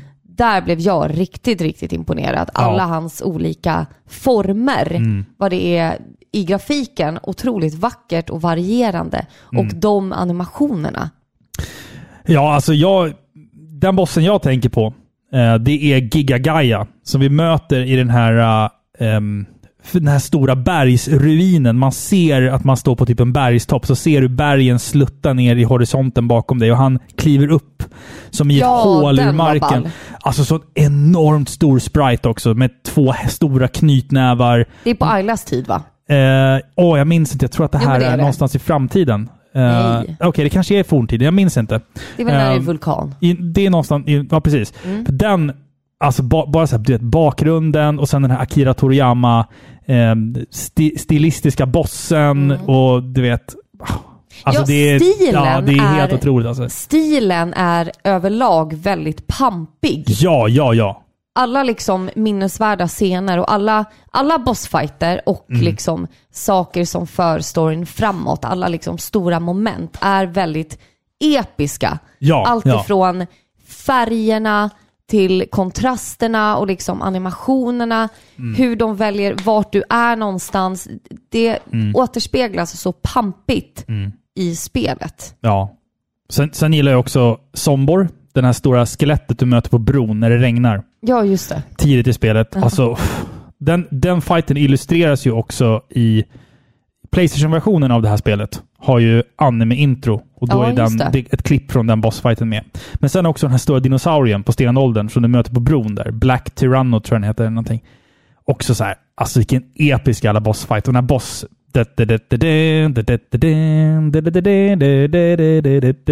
Alltså, Den satt man när, och när med den kickar igång där och så kommer menyerna upp och man bara nu jävlar, nu gäller det. Du vet. Åh, man Ja, är ju- taggad då. det är alltså, ja, ballt. ja. Ska vi snacka om musiken lite? Ja, absolut. Nobuo Uematsu. Mm. Yasunori Mitsuda. Noriki Matsueda. Fantastiskt! Ja. Kan man säga något annat Nej, det? Eller? nej. Alltså de lyckas verkligen fånga, ah, vad ska man säga, essensen Mm. av varje unik miljö. Från Aylas grottsamhälle med så här dunkande trummor och primitiv musik. Till de här typ sci-fi-inspirerade och dystopiska tonerna i framtiden. Mm. Alltså det är ett mästerverk. Och allra bäst är ju Frogs Theme, tycker jag, som verkligen berättar den här sorgliga historien om soldaten och hans bästa vän. Mm. Alltså den är sorglig och den berör en verkligen. Ja, och det, musiken gör en stor del av den, hans Av backstory. hela upplevelsen, ja, hela upplevelsen ja, precis. Absolut. Ett vanligt missförstånd är ju att Nobuo Uematsu eh, skulle ha gjort all musik till det här spelet. Det är ju inte sant. Uematsu har ju varit med och han har gjort ett par låtar till spelet, men hans eh, stora roll var egentligen att överse hela musikproduktionen. Mannen som ligger bakom nästan alla, alla låtar i spelet heter Yoshinori Mitsuda, som du sa. Sagan säger att Mitsuda var lite missnöjd med sina arbetsuppgifter på Square. Han, hade då alltså, han jobbade som typ någon designer eller någonting, har jag för mig. Och hotade med att lämna företaget om han inte fick göra musik istället. Eh, Sakaguchi eh, såg till att så blev fallet och Mitsuda tog det på ett sånt stort allvar att han många, många nätter faktiskt sov över på kontoret Ja men såklart. ifall han nattetid skulle få någon snilleblixt, om man säger så. Eh, Men också för att han ville skriva många stycken med drömskt tema. Och det här hände faktiskt. Många nätter vaknade han med en melodi i huvudet. Satte sig ner, plinkade ner det på piano, skrev ner, vaknade dagen efter och bara sa jag minns inte att jag gick upp i natt och spelade piano, men det här är det jag skrev. Och man får de här da da da da da da da da da da Det är väldigt drömska melodier. Ja, ja alltså. absolut. Eh, och det här, i och med att han, ja, den här dygnsrytmen som han eh, levde i, eh, anses nog av många vara ganska ohälsosam. Ja. Eh, detta i kombination med en hårddiskkrasch så fick ju Mitsuda mag, magsår. Men fy. Vilket man kan förstå, för att hälften av hans arbete eh, försvann och Mitsuda gick in i väggen ordentligt. Åh nej. Eh, Alltså ordentligt, ordentligt. Eh, han, han kunde inte jobba. Han var förstörd helt. Så då fick Umatsu kliva in och bara I got you bro. Jag fixar klart det här. Lägg dig i sängen så styr jag upp där. Nej. Jo, precis. Eh, så, så att det är ju faktiskt inte Umatsu som har gjort Allt. eh, allt. Nej. Utan de här drömska melodierna som vi hör i spelet. Många, är, det är Mitsuda. det är Mitsuda ja. I sitt esse också. Mm. Faktiskt, så lagom till att spelet var klart så gick Mitsuda tillbaka till Square. Och då fick de lyssna på låtarna som Uematsu hade färdigställt. Och när den sista låten rullar, den som heter Credits, så enligt egen utsago så kunde han inte göra annat än att börja gråta. Nej. Han var så nöjd med att höra sin musik tillsammans då med Uematsus lilla touch på grejerna. Att han liksom, Åh, vad fint. han blev Det var värt det han, liksom. Ja, precis. Och jag, alltså, jag berörs själv på samma sätt av den här musiken. Att jag, när man spelar spelet så, och upplever musiken, då kanske man inte tänker så mycket på det då. Visst, ja, det är en bra låt. Det är cool battle theme och Frogs theme är skitbra och Magus theme är också bra. Men så fort när man har klarat spelet och hör låtarna typ på någon Spotify-playlist, att den dyker upp liksom. Man, då kastas man tillbaka till minnena av Chrono Trigger och bara Åh, vilket jävla bra spel. Vilken jävla bra låt det här är. Alltså, så här, det blir så mäktigt. Ja. Musiken, när man hör den, tar en tillbaka till händelserna i gud, spelet. ja. Men så Och- känner ja. jag redan när jag hör den första gången. Ja, jag, Alltså, jag, jag, kan, vara så, jag kan vara så upptagen i spelet att jag inte liksom riktigt registrerar musiken. Men Jaha, nej när jag, jag hör den i efterhand så, ja. Jag är tvärtom. Jag, jag bara suger åt mig musik alltid, oavsett i vilket format det kommer i. Om Mm. jag sitter och tittar på en film eller om jag eh, spelar ett tv-spel. Musik är jätte, jätteviktigt. Ja, jag, håller med dig. Alltså. Jag håller med dig. avgörande för hur jag ska känna inför stämningen. Mm. Det är inte bara liksom det jag ser visuellt Nej. som berättar för mig att nu är det en läskig situation eller nu är det en sorglig situation Mm. eller nu ska jag vara glad. Utan det är musiken i grund och botten som talar om för mig vilken sinnesstämning jag ska vara Ja, i. ja, ja, det är klart. Alltså, Och- så är det ju. Jag har blivit så berörd av den här musiken. Jag tycker Mm. den är otroligt vacker. Vi har ju, Otroligt, otroligt bra. Jag gillar ju Kronos team. Uh, Frogs team har vi nämnt här med den här lite keltiska Mm. eh, touchen. Uh, Aylas team kanske man kan skippa. Den är lite... Den är lite tompig. Ja, precis. Men och sen har vi även Robots team som påminner väldigt mycket om eh, Rick Astley's Ja, Never gonna give you up. Uh, Aylas team är också, nej vad säger jag, uh, Marleys team är också jättefint. Alltså, och hela den här när du går på världskartan. Uh, dam, dam, dam, dam, dam, dam, dam, dam, dam. Den är också... Och det, det som är sjukt, det är också att det finns några toner, de här när du går halvtoner, da-na-na, Ja, den som återkommer, återkommer i andra låtar. i nästan alla låtar i hela spelet. ja, så men det är väl du... den här drömessensen ja, som kommer. exakt, exakt. Den, de tre tonerna, det är tre halvtoner, da, na, na, na, fyra, tre, fyra stycken, finns ju i Main Theme, den finns i Kronos Theme, den finns i många låtar i spelet Mm. som ett ihopknytande eh, rött band runt Ja. hela soundtracket. Och de är även liksom skrivna på ett sätt som, eh, som vi känner igen i många Final Fantasy-låtar. Ja, ja, ja. Och Absolut. i Ghibli-låtarna. Ja, precis. Alltså de har det här, eh, liksom, de har ett sätt som de är skrivna på som känns väldigt eh, tillfredsställande. Det är en väldigt, väldigt sönderanvänd, idag sönderanvänd Ja. moll, mollskala som vi Ja. pratar här då. Det är lite det, men där och då är det ju underbart. Och i Battle Theme så är det mycket basdrivet. Ja. Påminns om Final Fantasy. Eller du, du, du, du, du, du, du, du. Jag sitter bara och nynnar här. Men alla, blir- alla, alla, som, alla som vet vad jag snackar om, ni, ni, ni, Det blir ju tyvärr att man eh, jämför med Final Fantasy. Det är o, ofrånkomligt i det här Men jag fallet. försöker, jag försöker för en gångs skull att skilja lite på dem nu. Mm. Jag... Det går inte att skilja på. Nej, ja, fast, alltså- fast vet du vad? När man kommer in på gameplay sen, så då, det är då man märker den stora skillnaden. Ja, så är det ju Mm. absolut. Men eh, det här är inte den bästa musiken jag har hört. Är det inte. Nej. Men Chrono Trigger är ett så pass unikt spel Mm. att jag kan se det för bara vad det är. Det står på egna ben. Jag behöver inte jämföra. Nej, liksom. precis. Och jag, jag, det är det jag menar också, att när man väl börjar syna gameplay, det är då spelet skiljer sig från Final Fantasy mest. Själva grunden, musiken och atmosfären är ju lite Final Fantasy-esk, men när man ska prata story och gameplay så är det inte så mycket Final Fantasy. Nej, och då kommer vi faktiskt in på det. För jag tycker att det är dags att vi börjar gräva ner oss lite i gameplay. Mm. Alldeles strax. Är det ett pappaskämt? Nu när vi pratar Chrono Trigger Mm. pratar vi tidsresor. Mm. Därför kommer här ett skämt, om, eller några skämt, pappaskämt om tiden. Okej. Mm. Vet du vad som krävs för att bli urmakare? Nej. Att man är ursinnig.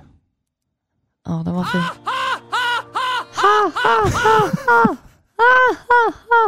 Ja, en till då. Sen, jag hade något till här. Eh, jag kommer fan inte ihåg det. Jag minns bara att det var urkul. Ja, du är så rolig Robin. Okej, men nu, nu, nu ska vi kasta oss in i lite gameplay Chrono Trigger. Det här avsnittet av Paripixlar görs i samarbete med tv-spelsbutiken Spel och sånt i Norrtälje. Det vet ni vid det här laget. De har ju hängt med så länge nu. Det är ju härligt. Ja, vi älskar dem. Det är sen gammalt. Det är sen gammalt. Det är sen gammalt. Ja. Och vi har ju i samarbete med Spel och sånt en tävling där vi lottar ut 500 svenska kronor på Nintendo e-shop. Från Paripixlar och Spel och sånt till dig. De här tävlingarna dyker ju upp på vår Instagram-kanal och vi har haft en ny tävling och i slutet på det här avsnittet så drar vi ju en vinnare i tävling nummer två av fyra. Så generöst. Äh, Det är bottenlöst generöst. Kan man säga så? Bottenlöst generöst? Eller? Du säger det. Jag säger det. Och vi vill ju också bara kasta ut en uppmaning att har ni vägarna förbi Norrtälje, besöksspel och sånt. De har ju förutom sin alltså världsklassiga, är det ett ord? Eh, Tv-spelsbutik där de säljer både nytt och retro, vägg i vägg med sin egna liksom jävla arkadhall.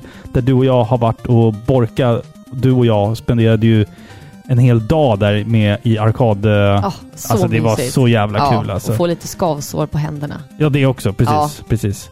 Det hör till. Det hör till ja. Ja. Det, det är också sen gammalt. Ja, ja. Så att, alltså, som sagt, har ni vägarna förbi Norrtälje, åk dit. Den fysiska butiken är värd att se. Men sitter du fast, gå in på spelosont.se. De har ju också de här e-shop-korten som vi lottar ut. Och Peter sa det till mig att stötta lokalt, köp digitalt. Vad fint. Det, det, du ser. Vad fint. Du ser, ja. Ja. Mm. Så gå in på spelosont.se. Tack! Tack. Jag är ju van vid Final Fantasy. Mm. Så när vi skulle spela det här spelet så hade jag en, en liten, liksom, redan klar bild av hur det här spelet skulle vara. Man är van vid en stor öppen värld, det är massor med utforskande, det är massor med sidequests, det är mycket att göra. Vi snackar 200 timmar liksom gameplay. Mm. Det var inte så Nej. i det här spelet. Det här är betydligt mer enkelriktat i själva utforskandet än vad jag trodde. Nu sitter du och himlar med ögonen, men låt mig mm. förklara. Ja, jag förklarar på. Mm. Det kan vid vissa ställen i spelet bli lite klurigt att komma på vart man ska efter varje delmoment. Men jag upplevde det att så länge man ändå pratar med folk i alla städer så säger de typ rakt ut vart man ska. Så det är inte så svårt egentligen. Eh, spelet är liksom inom citationstecken stort på andra plan än själva utforskandet, tycker jag. Och det är ju som sagt alla karaktärer, deras historier, deras bakgrund och som sagt alla slut i det här spelet. För spelet har massor med olika slut. Det är de sakerna som du utforskar. Och då kommer vi in lite på det här som, jag har, som vi redan har nämnt innan. Just det här med att kartan förändras över tiden. Det är ju här du upptäcker saker. Det ger ju dig en möjlighet att se saker som kanske inte fanns med förut, men som finns med och som har dykt upp 600 år senare. Och det här gillade jag jätte, jättemycket. Det här är en stor del av spelets utforskande kan man säga. Det här inbjuder en till nyfikenhet och det är även här du hittar dina sidequests. Men i det stora hela så är det inte massor med utforskande, tycker jag, som ligger liksom bortom själva huvudhistorien, main quest. Utan det mesta finns där för att det fyller en funktion inom liksom det huvudsakliga uppdraget. Så det är inte alls upplagt precis som ett vanligt Final Fantasy-spel. Det ska man säga. Nej, nej, alltså så här. Chrono Trigger, jag tycker så här. Det, det inleds ju som, en, som ett ganska linjärt spel. Vi vaknar i vårt hem, eh, får en order att gå till en plats och sen när vi är färdiga där så säger karaktärerna så här, nu ska vi gå dit. Jag, jag tänker så här, hur många JRPG är det som inte börjar i en ensam pojkes säng? Ja, eller hur? Alltså varenda JRPG. Eller en skog. Det är Eller en antingen de två. Ja, ja. Det finns inga spel i JRPG-genren, väldigt, väldigt få i alla fall, som, under, som liksom inte börjar i en Varför- skog eller i en, en säng. Varför har vi aldrig ett spel som börjar typ i en snövärld? Förstår du? Alla Mm. börjar i en generisk so- sommartid. Ja, ja I- alltid sommartid. Alltid sommartid. En skog. I en liten by eller Ja. en stad där det är liksom glatt humör. Ja. Förstår du? Det är liksom det här, det är vår bild av en perfekt värld. ja, precis. Vardagen Ja, liksom. Vardagen. Ja. Sommartid. Ja. Men sen, sen liksom, som jag sa, spelet inleds ganska linjärt och precis som många andra spel i genren ehm, så luckras världen upp allt mer och ju längre in i handlingen vi kommer. Det som jag gillar med Chrono Trigger är att vi faktiskt efter ett tag blir helt frisläppta i världen. Vart ska vi? Ingen aning. Det finns ibland inga tydliga pilar som pekar åt ett håll, utan man får liksom läsa både vad, vad karaktärerna i städerna säger, men också lite mellan raderna. Och man uppmanas ju hela tiden att ge sig ut i världen och leta efter skit. Liksom. Det, det, sånt gillar jag. Många säger typ att spel som Final Fantasy 7 var så öppna, till exempel, om vi nu ska ta upp det som det eviga exemplet i den här podden. Men det var ganska linjärt. Chrono Trigger är ju ett mer öppet spel på det sättet. Och dessutom så har vi ju flera olika tidsåldrar att utforska också. Och som du sa, där ligger ju grunden till typ alla sidequests i spelet. Att man... Den här personen säger att hon behöver någonting. Jag har för mig att jag såg någonting sånt fast i framtiden. Så jag åker till framtiden och mycket riktigt, okej, jag får en krydda. Så jag åker tillbaka i tiden och lämnar den. Och då säger den här kvinnan då som får kryddan att nu ska jag odla mer av den här kryddan. Okej? Så det är som att i framtiden, då finns det jättemycket av den där kryddan och så får man någon liten belöning i form av någon jävla rustning eller någonting. Att det är sånt, sånt, det gillar jag i det här spelet. Att man liksom belönas för att utforska tiden och inte bara liksom världen. ja, absolut. Men det var ju inte jättemycket.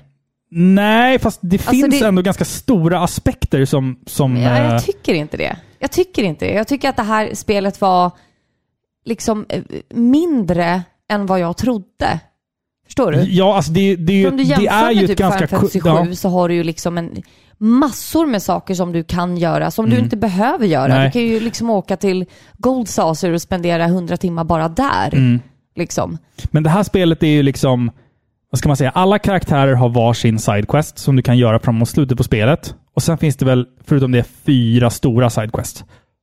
Och Ja, men det är that's det. it. Ja. Men de är ganska stora ändå och det kräver ju att du liksom reser mellan tid och rum. Ja, Eh, fram absolut. och tillbaka flera gånger oftast. Ja, och ibland så står man där och speciellt om man inte har spelat på ett tag. Mm. För du har ju liksom ingen questlog. Nej. Så du kan ju inte titta vart du har varit, liksom, utan du måste ju hålla koll på det själv. Ja, exakt. exakt. Ja. Men, Men, ja, bara du frågar folk i staden så säger ju de vad du ska göra. Jo, egentligen. precis. Men ibland är det ju lite eh, svårförstått. Förstå, svårförståeligt. Nej, Jag tycker inte det. Men sen också, det, det stora som påverkas, det är ju i och med att det här är ett Super Nintendo-spel, man, man kan ju inte göra ett, en, ett mega, mega enormt JRPG av det. Nej, det. Det som påverkas är ju faktiskt spelens slut. Ja, påverkas ju exakt. väldigt mycket av vilka sidequests du gör, vilka karaktärers önskningar som du liksom uppfyller. Precis, Ehm, så man kan säga att liksom, alltså sidequests i det här spelet är egentligen karaktärernas olika, eh, ja. det är de stora Ja, men så här, jag skulle vilja åka tillbaka till min tid och ta tag i det där. Liksom. Ja, precis. det är ju sådär. Men eh, de är egentligen inte sidequests Nej, de i är... den tanken, för de är en del, de bygger väven till den stora. Absolut. Absolut. Så är det ju. Så är det ju.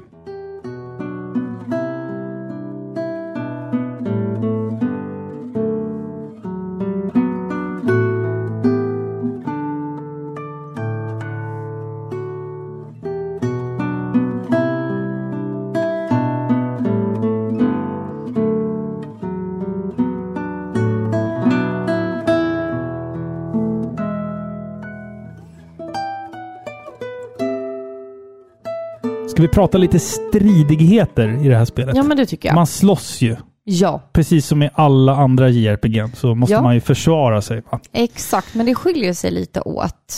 Eller hur? Du har ju de här vanliga attack såklart Mm. och att kunna använda föremål. Mm.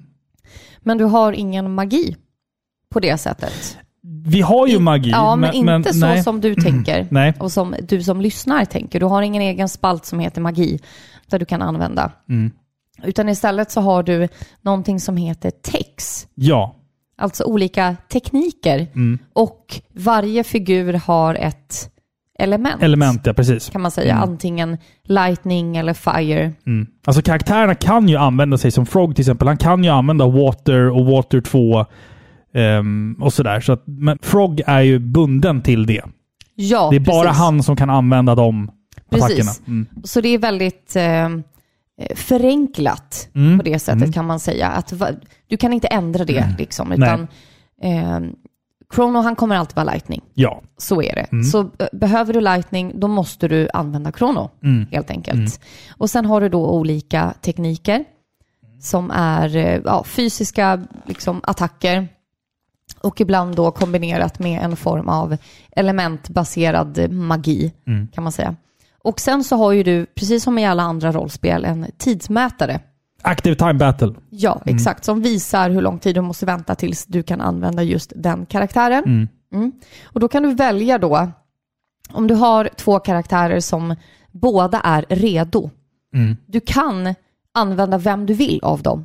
Du behöver inte som i andra klassiska JRPG liksom ta i tur baserat, utan du får välja vem, Ja, exakt. exakt. vem ja. som helst Mm. av dem, bara de är redo.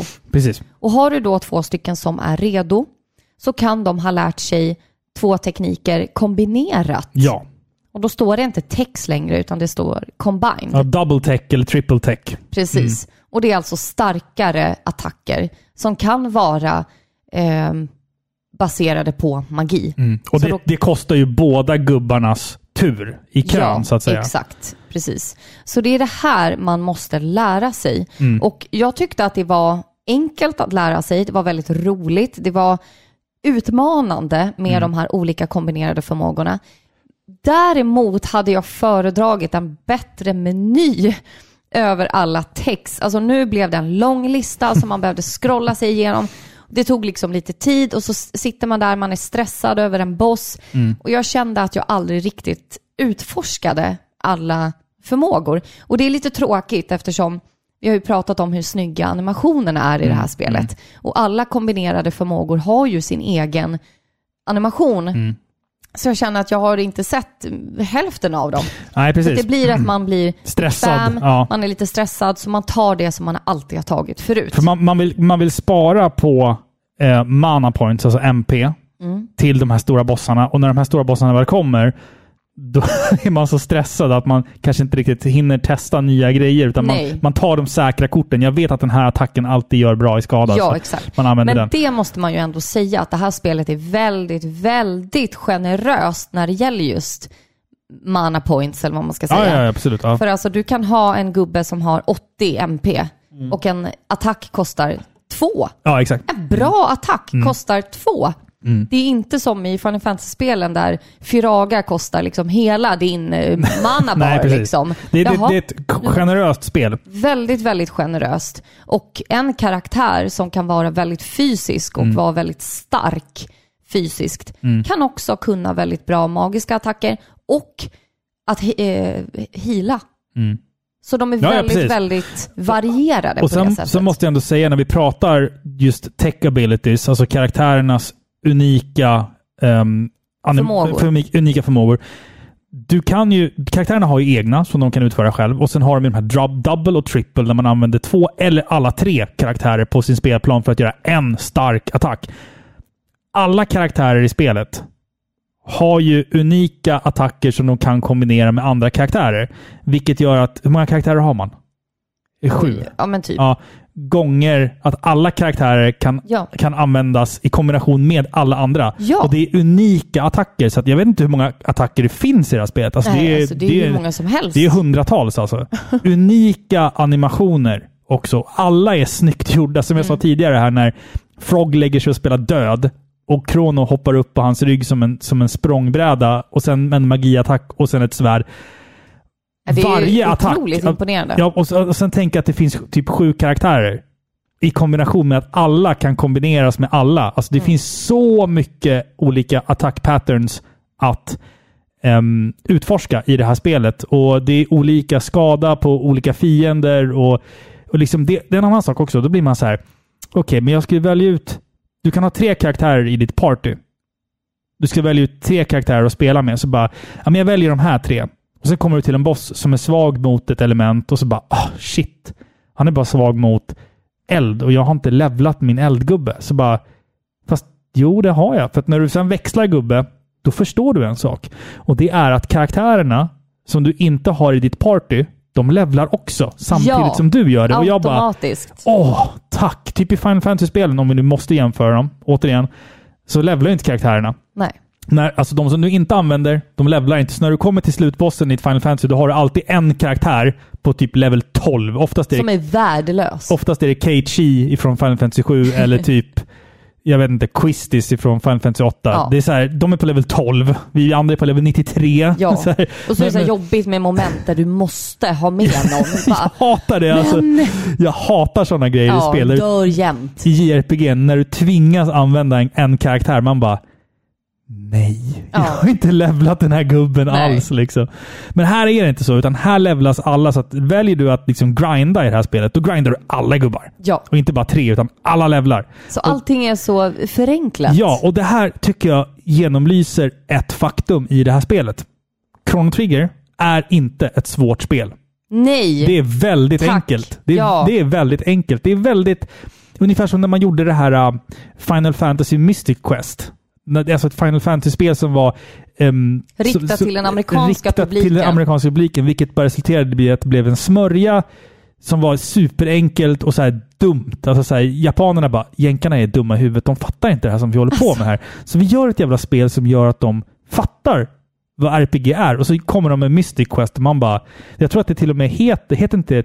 Nej, det är inte det som heter Final Fantasy USA. Det finns, I Japan kallas det för någonting så här. Final Fantasy US eller någonting. Vilken förolämpning. Och det är verkligen en förolämpning för det är så jävla simplifierat och dumt. Mm. Ehm, men, men som sagt... Chrono Trigger är ju inte dumt, men det är väldigt... Nej.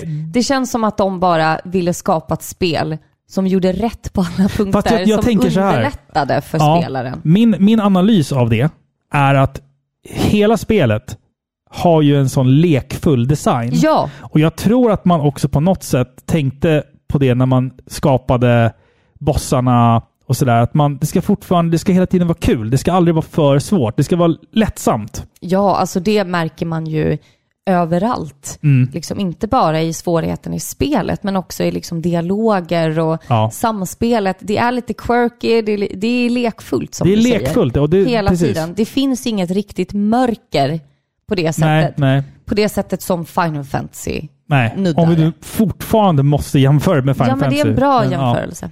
En annan sak också är att fienderna, alltså i, i ett vanligt JRPG så går du på en världskarta och sen så kommer en random encounter. En fiende du inte ser och så måste du slåss. Här ser du ju fienderna. Ja, Och så går du fram till dem och då slår spelet över till ett battle mode. Och fienderna rör ju sig omkring liksom. Och jag tänkte att det här måste varit skitsvårt att få till. För att i, i andra JRPG så byts ju skärmen ut till en stridsskärm. Här kommer stridsskärmen upp och appliceras ovanpå platsen du liksom springer runt på. Ja, och precis. det måste varit alltså, så himla svårt att programmera en sån sak. För det är så dynamiskt. Det rör på sig så mycket. exakt. Och det är inte samma varje gång. Nej, nej, nej, precis. Fienderna vandrar ju omkring där liksom. Och så kommer du där och sen kommer fighting-menyerna upp och det är typ knappt en halv sekunds laddningstid däremellan. Och jag bara, hur fan har man lyckats få ihop det här? Mm. Jag tänker på det ofta. att För att till och med Playstation-versionen av Chrono Trigger, som är en, liksom en remaster, där är laddningstiderna mellan strider och menyer och allt sånt där, den är liksom typ 3-4 sekunder. Ja, På Super Nintendo går det alltså ja men det är ju snabbt. sömlöst. Det är sömlöst, ja precis. Och som sagt, jag tycker att det är härligt att fienderna syns på, på kartan när man springer runt. För att då blir det så här lite av en sport att okej, här kan jag grinda för här kommer fienderna tillbaka snabbt. Eller om man måste fly och vill undvika fiender så är det lätt att liksom parera fiender som du ser på världskartan. Det är trevligt och det, det bidrar ju också till ytterligare en, en liksom dynamik i spelet faktiskt. Absolut.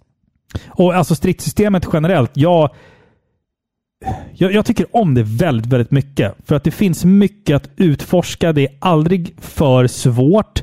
Eh, Du har Active Time Battle som, som liksom, jag tycker att det, det är optimalt för det här spelet. Och ingenting känns... Det känns aldrig som att du blir riktigt överkörd av en boss, utan det är hela tiden den här, jag kan klara det. Jag har en karaktär kvar med fem HP, men jag kan greja det. Bara jag får liv i de andra gubbarna. Alltså, det känns aldrig hopplöst liksom. Nej, verkligen Oavsett inte. om man grindar eller inte så är det, vill man ha en större utmaning, ja men då grindar man ingenting. Ja, Det går, ja, fortfarande, det precis. går fortfarande att ta sig till Ja. slutbossen och klara det. Ja, det är liksom. inget svårt spel. Nej, det är Nej. faktiskt inget svårt spel. Och skulle man ha problem med ja, men grinda fem levels så är det... Så att det är ju liksom lite i standard med andra JRPG på det sättet egentligen. Även om vissa andra spel kräver lite grinding så behövs inte det i Chrono Trigger. Och ja, som jag sa, jag tycker det ligger helt i linje med hur lekfullt spelet är i sin design. Exakt. Hi, this is Christopher Randolph, the voice of Otacon. This is Corey Marshall, the English voice of Ryo Hazuki. My name is Robert Belgrade, the voice of Alucard from Castlevania. Mitt namn är Annika Smedius, den svenska rösten till Sailor Mercury ifrån Sailor Moon. Och du lyssnar på Par i pixlar med Robin och Filippa. Varför ska man ge en klocka till någon som har slagit sig? Mm. För Ja. att tiden läker alla sår. Ah, nej. Den var kul. Den var rolig, eller hur? Den var bra. Ja. Den gillade jag faktiskt. Vilket djur håller alltid tiden? Jag vet inte. En klockren. Nej. Klockren. Ja, Nej, den var kanske... den var inte Nej, jättebra. okej. Ja, det, det är ju faktiskt typ det roligaste klippet någonsin. Ja, vad heter han? Bäckström? Mattias Bäckström. Nej, inte Mattias. Heter han inte? Nej. Nej, men Bäckström i alla fall. Mm. Ishockeyspelare. Mm. Hur kändes det att uh, få hålla i den där bucklan, NHL-bucklan? Ja, det kändes Eh, Skön. skönt. Ja. Undrar om det var... Klassiker. Ja, det är en klassiker alltså. Har vi några andra klassiker, så här svenska YouTube-klipp? Åh gud, massor. Mm. Vet du vilket, vet du vilket som har blivit mitt favorit YouTube-klipp genom tiderna? Så här svenska. Säkert en i- Idol-audition med hon som sjunger det där olämpliga. Nej, Nej? nej min, min ribba ligger... Klippa tung. Nej, min, Nej. Rib, min ribba ligger högt. Högt. Bilfan i huvudet. Ja, den ja. Det är mitt favoritklipp. Hej, fan i huvudet! Fan vad fort det gick! Jag skyndade på innan biljäveln klämmer sönder mig. Jag fick bilfan i huvudet. Fick du? Ja, skynda dig innan han klämmer sönder mig. Alltså det är den där grova dialekten. Dialekten. Alltså, Ja, och han är helt jävla knallröd i nyllet. Ja. Och sen kommer, vad kan de där grabbarna vara, 10-12? Och de Ja. är i den här awkward åldern. där Eller du hur? vet, det, är just 10-12-åringar, då är det så här, ska man fortfarande leka eller ska man bli, liksom citationstecken, stor kille eller tjej? Alltså du vet, den åldern.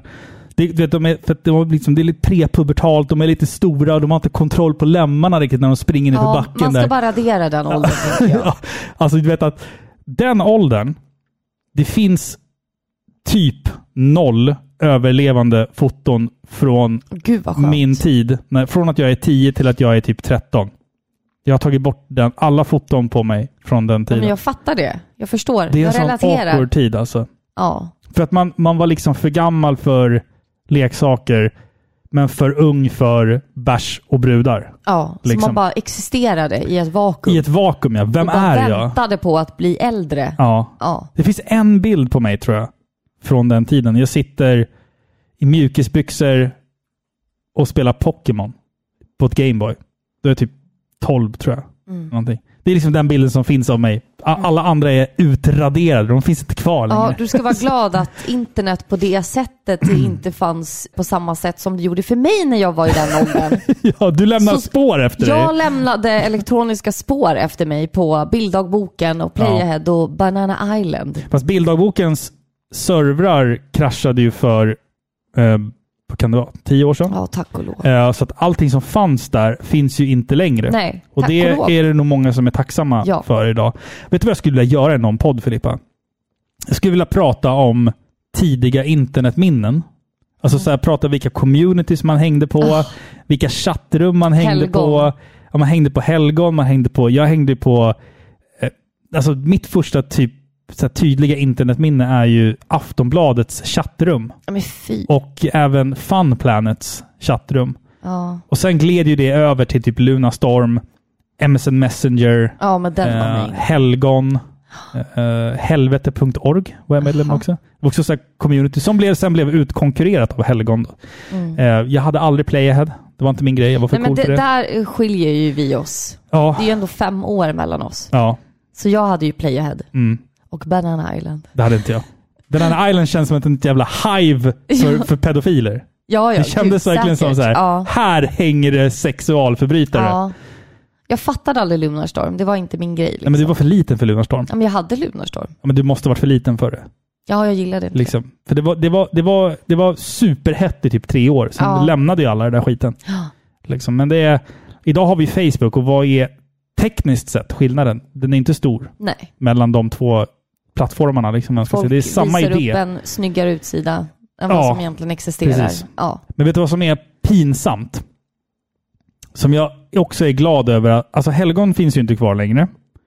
Där fanns det ju den här äh, att man kunde skriva dagbok nej. på Helgon. Jag tror att det finns väldigt många människor där ute som är tacksamma över att alla inlägg som man skrev i sin dagbok på Helgon inte längre finns kvar. Ja, gud ja.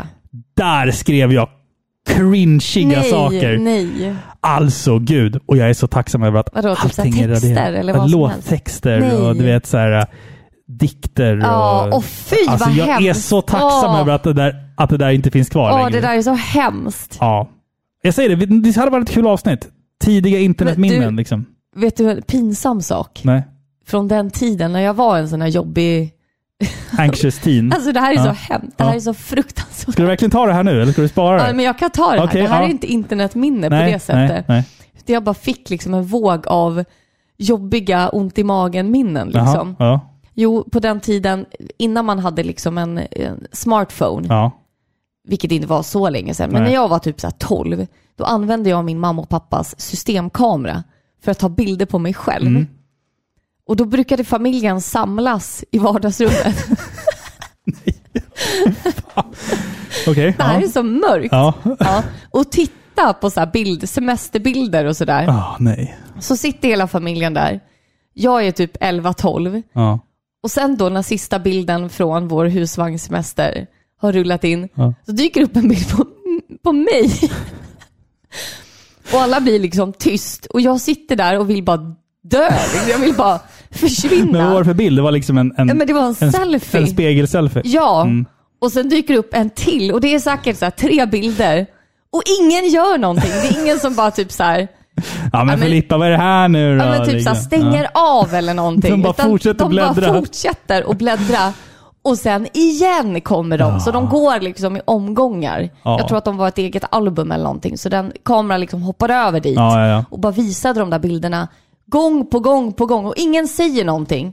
Förutom min tio år äldre syrra Mm. som typ lägger en spydig kommentar om hur jag liksom poserar fult Mm. till slut efter fem minuters tystnad och alla sitter och stirrar. Då gick jag och låste in mig på toaletten. och grät. Ja, säkert. Det minns jag inte. Alltså man tog ju så mycket. ja, men det är så Ja. fruktansvärt. Och du vet så här, man ser, man har tagit en bild med så här superexponerat Mm. Så ser man sin rygg i spegeln Mm. bakom och den här kamerablixten. Ja, alltså, ja, ja, alla såg likadana ut. Fruktansvärt. Ja, man tog mycket märkliga fotografier på sig gjorde man. själv i ungdomens år. Fy. Det är tur att de här bilddagboken och det inte finns kvar längre, kan jag säga. Det Ja. Och min mamma och pappa som hörde av sig till dig och bad dig restaurera deras hårddisk. mm. Där de har sparat allt. Då hade du ångest va? Jag är glad att du inte lyckades. Nej. Ja, det är mycket skit där. Jag försökte restaurera en extern hårddisk. Det är inte det lättaste man kan göra. Nej, jag skit i det. Ja, Skit jag det. har gett upp den Ja, kampen. Ja.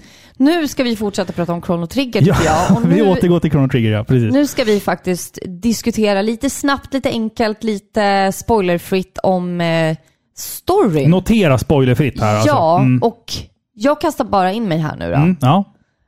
Man kan ju säga att i början av spelet så kastas man in väldigt, väldigt fort i storyn. Mm. Vilket gör att det, jag tycker att det är ganska annorlunda och skiljer sig från andra RPG på det sättet. Alltså det brukar ju alltid börja med en oskyldig handling. Mm. Eh, och sen så springer man typ ärenden åt någons mormor i två timmar liksom Ja. eh, innan det drar igång. Så här blev jag väldigt, väldigt förvånad över att det tar typ tio minuter och sen är du igång. Sen dyker den första portalen upp. Liksom. Och det, det här tycker jag är dels bra. Det är konstant spänning i handlingen. Det är aldrig tråkigt. Däremot så blir man ju lite förvånad. Jag, jag kan inte köpa att karaktärerna bara köper det här. På du, en gång, du menar så du? att, karaktärerna Direkt. känns lite så här uh, dumma för att de bara Ja. accepterar att okej, nu ska vi göra det här. Okej, Ja, okej. det, ja. det är aldrig någons, någonsin någon som tvekar på att hoppa in i en mystisk portal ut i ovetandet. Nej, Förstår du? precis. Mm. Var kommer vi hamna nu? Vad, vad händer nu? De bara kastar sig in i det liksom. Mm. Eh, men överlag så tycker jag att det är väldigt positivt att det går fort fram. Mm. Ja, jag, har, jag har lite åsikter om det också. Ehm, men jag väntar lite med det. För att jag, jag känner så här att handlingen överlag är ju både enkel men också ganska invecklad. För att det är ju det här med tidsresor. Man måste ju liksom försöka hela tiden att greppa vad tidsresor innebär. Alltså snackar vi tidsresor som i Tillbaka till framtiden? Eller snackar vi tidsresor som Avengers Endgame? Det är där vi måste försöka hitta vilka regler det är som gäller. Exakt. Och jag gillar oftast inte tidsresor som koncept. Mm. Just för att det är så, det är så svårt Det är att svårt att få förstå. rätt. Det är svårt att få rätt. Ja, precis. Och det är som du säger, man måste fastställa vilka regler som gäller. Mm. Men här kan du ju ändå hålla med mig när jag säger att det här spelet var väldigt straightforward. Det är väldigt simpelt. Det är väldigt, Tänk väldigt simpelt. ja, det är inte så här att möter du en person i dåtiden så existerar du inte i framtiden på det sättet. Nej. Liksom. Utan anything goes. Fast Lite. det, är, det är också så här att det jag gillar är ju att saker och ting i framtiden påverkas av saker du gör i dåtiden. ja, men Det, saker, det gillar jag ju liksom. Men Ja. Det är ju att hålla det väldigt enkelt. saker som spelet tillåter hända. Ja. Alltså handlingen i det här spelet går ju ut på att vi ska förinta en, en ondska som heter Lavos. Eh, för att år 1999 så förgör ju han jorden. Det här är alltså tidigt i spelet vi får reda på det här, så det är liksom ingen, ingen major spoiler här. Och vi reser ju till dåtid och framtid för att bygga ihop ett pussel av händelser. Saker man gör i dåtiden påverkar händelser i framtiden och eh, det är ju där som spelets liksom alla sidequests utgår ifrån, som vi har sagt. Man kan ju liksom bygga kedjor av händelser genom tiden, då, så att säga. Vilket är otroligt innovativt. för sin tid. Jag kan inte tänka på något annat spel som så här tidigt vågade utforska det här på djupet på det sättet som Chrono Trigger gör. Just det här med att saker och ting påverkas handlingsmässigt. Alltså tänk dig själv vilken grov programmering som måste ha gjorts för det här. Det är liksom inte bara straight forward, utan det är så här, du kan åka bakåt i tiden. Jag, jag, jag, jag känner så här att de måste buggtestat det här spelet så in i helvete innan det här faktiskt kunde släppas. För det är så mycket saker som jag tänker att det här borde kunna gått fel. Ja, men Liksom. det gör inte det. Det gör inte det, för att allting hänger ihop på något jävla skitmärkligt sätt. Så funkar det bara. Ja, men det är väl också lite det här som vi har pratat om, att spelet är ju inte så stort förutom Nej, just precis, det här. precis. Ja, exakt. Utan det är det här som är spelet. Ja, och det är ju också det här, vi pratar lite grann om, om handlingens ehm, djup, så att säga. Eh, det är ju när du, när du utforskar varje karaktärs unika sidequest som spelet faktiskt når någon form av existentiellt djup, tycker jag. Spelets handling i sig är ju kanske inte jättedjup, utan det är så här, ja, vi ska åka i tiden och besegra en ondska. Men det är när du, till exempel, jag tänker på Lucas sidequest. När du besöker hennes dröm och den här scenen där de sitter vid brasan allihopa. Det är där, det är de scenerna som jag tar med mig ifrån det här spelet. Den, den scenen, när alla karaktärer sitter samlade vid den här brasan och man ser brasans den här äh, gulröda färgen som liksom, som liksom slår emot träden och hela bakgrunden påverkas. Och Krono ligger och sover mot ett träd och Robo han har stängt av sig själv så han sitter bara som en plåthög.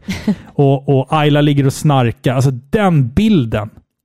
Den kan man lätt bara så här skippa egentligen. Du behöver inte se den scenen, men den, de scenerna tycker jag är så viktiga för spelets helhet. Och det är synd att man, eller jag, känner, jag säger så här, man måste fan utforska karaktärernas sidequest för att få ta del av det, det djupaste djupet Absolut. av de här karaktärerna. Alltså. Det tycker jag. Det finns så mycket man kan missa. Och det är synd om man gör det. Man måste, man måste, måste, måste utforska sidequesten i det här spelet. Ja. Jätteviktigt. Alltså en sak som jag saknar i det här spelet, och jag, jag håller inte riktigt med dig nu. Nej. då. Eller alltså jag håller med att om du vill se spelets djup Mm. så är det karaktärernas olika eh, questlines. Mm, mm, Definitivt. För annars får du en ganska straightforward och simpel saga. Liksom. Och du kommer inte få ett bra slut. Nej, heller. exakt. Men jag tycker att det här spelet har en sån potential att liksom frambringa ett otroligt djup och mörker. Alltså jag vet, jag är Mm, jättetråkig, mm, men jag, jag, är, jag är ju så jäkla black metal Robin, så jag måste ha lite svart. Ja, men man gillar det svarta i JRPG. Ja, det gör jag man. Mm. behöver ha det. För JRPG är inte alltid barnspel. Man Mm. ser gulliga, gulliga Final Fantasy 9 och bara åh, vad är det här för mysigt spel? Supermörkt. Så bara damn, that hit hard Ja. alltså. Det spelet ja. är så jäkla mörkt Ja. Mm. och svart och sorgligt. Och man grinar åt det spelet. Det, finns, det finns inte i det här riktigt. Det finns inte. Nej. Och jag saknade det. Jag trodde att Chrono Trigger skulle vara ett mer djupt spel. För det är så att du har förklarat det för mig. Mm. Det är den bilden andra människor har gett mig. Att åh, Chrono Trigger, det är så djupt. Åh, det är så Fast det är bra. inte så storyn som är djup. Och det är liksom, du, du kommer känna med de här karaktärerna. Och fy, det är fruktansvärt liksom. Jag håller inte med. Nej. Jag, jag håller med om att spelet är djupt när man ser till Stridssystemet. Eh, ja, stridssystemet och bara storyn, att du reser i tiden, Mm. att det är flerdimensionellt. Mm, Absolut. Det är jätteimponerande hur de har lyckats skapa ett spel som vars handling reser över tiden. Mm. Jättebra. Men det hade funnits så mycket plats med ordentlig... Ordentliga känslor. Ja, mm, precis. mm. Där kommer den här äh, lättsamheten och att Mm. det känns le- äh, lekfullt. Men precis, och det, det, blir tycker jag... mycket. Jag tycker att det ligger lite i linje med det du sa tidigare. Att spelet på tio minuter så är du investerad i handlingen. Att det är liksom Ja. inte den här uppförsbacken att du ska gå och samla mjölk och... Utan du kastas in i handlingen direkt. Ja. Och spelet når aldrig det här mörka djupet, utan det är hela tiden en ganska glättig handling. Alltid. Och det tycker jag ligger i linje med hela spelet. Som vi har sagt, Ja. det är ett lekfullt spel. Ja, Och just svårighetsgraden också klassar in där i att det är Ja, lekfullt. absolut. Karaktärsdesignen, det är lekfullt. Handlingen är lekfull. Mm. Det är inte det här, visst, du besöker en dystopisk framtid. Absolut. Men det är fortfarande lekfullt. ja. Och samma sak gäller ju också att man, det blir aldrig den här äh, svärtan som finns i många JRPG, att det är så här mörkt och, och dystert. Visst, du, du, det finns stunder i spelet när du tänker att nu borde det bli nattsvart och mörkt, men det blir aldrig riktigt det. Det är alltid lite så här, ja men det gick bra ändå. Och man bara, jaha, okej. ja, men lite så Precis. är det. Det Men- löser sig alltid. men det man tar med sig, det som, det som jag tycker är djupet i det här spelet, det är att det någonstans, det är hela helheten av resan som gör att det lämnar ett avtryck i dig. Ett, Ja. ett avtryck som faktiskt består av någon form av djup. Och det behöver inte betyda att, att någon av karaktärerna har existentiell ångest eller så här, typ som Vivi i Final Fantasy 9. Utan det är mer, det är mer det är annan, ett annat typ av djup. Ja. Ett djup som bottnar i någonting annat än mörker. Men Det kanske låter jättekonstigt, men du förstår det vad jag händer menar. ju sorgliga saker i det här spelet. Ja, det gör det ju. Men på grund av avsaknaden av typ känslor. Vi får aldrig se en karaktär som liksom bara bryter ihop totalt och... alltså, jo, det, det tycker jag ändå. jo, det tycker jag ändå in, får. okej, men inte tillräckligt mycket då. Nej, Det är aldrig karaktärer som Ska vi verkligen göra det här? Vad kommer hända? Alltså, vi får aldrig se någon desperation nej. som hade varit realistiskt eller som man hade kunnat se i andra spel. Mm. Så när de här hemska sakerna sker, det sker en viktig sak, en, en händelse i spelet som ska vara liksom det här stora. Mm. Och nej, vad ska vi göra nu? Men det blev inte sorgligt. nej. Förstår du? Mm. Jag, jag brydde mig inte särskilt mycket. Jag, jag tänker på hela, utan att spoila nu, men hela Frogs story arc är nog det som jag tycker är starkast i Frog spelet. räddar hela det här spelet. Men även, även, även Robo tycker jag Ja. har... Där finns det också mycket Absolut. att ta med sig. Men det största problemet jag har med det här spelet, det finns en sak som jag stör mig på. Plot holes. Nej, jag, Nej. jag har fullt överseende med plot holes. Men jag gillar inte att Krono är a silent hero. Nej! Alltså, Krono är ju den tysta hjälten. Likt Link i The Legend of Zelda-spelen. Krono pratar inte. Alla hans vänner pratar och tanken är väl då att vi ska identifiera oss som hjälten Krono. Alltså jag, identifi- jag pratar jättemycket. Jag identifierar nej, inte med någon som inte pratar. Precis, och problemet blir det att Krono för mig blir bara själslös. Och det är lite waste of space, Ja, tycker jag. exakt. För jag hade hellre velat lära känna en karaktär som jag lär mig att tycka om. Här blir det bara så att Krono är bara ett tomt papper för mig. Ja. Som fattar beslut ändå. Och jag blir så här bara, okej, han fattar ändå beslut och visar känslor, men jag känner ingenting för honom. För att Vi han, ser inte att han visar känslor. Vi, Nej, inte på riktigt. vi ser det bara för eh, de andra karaktärernas reaktioner. Mm, exakt.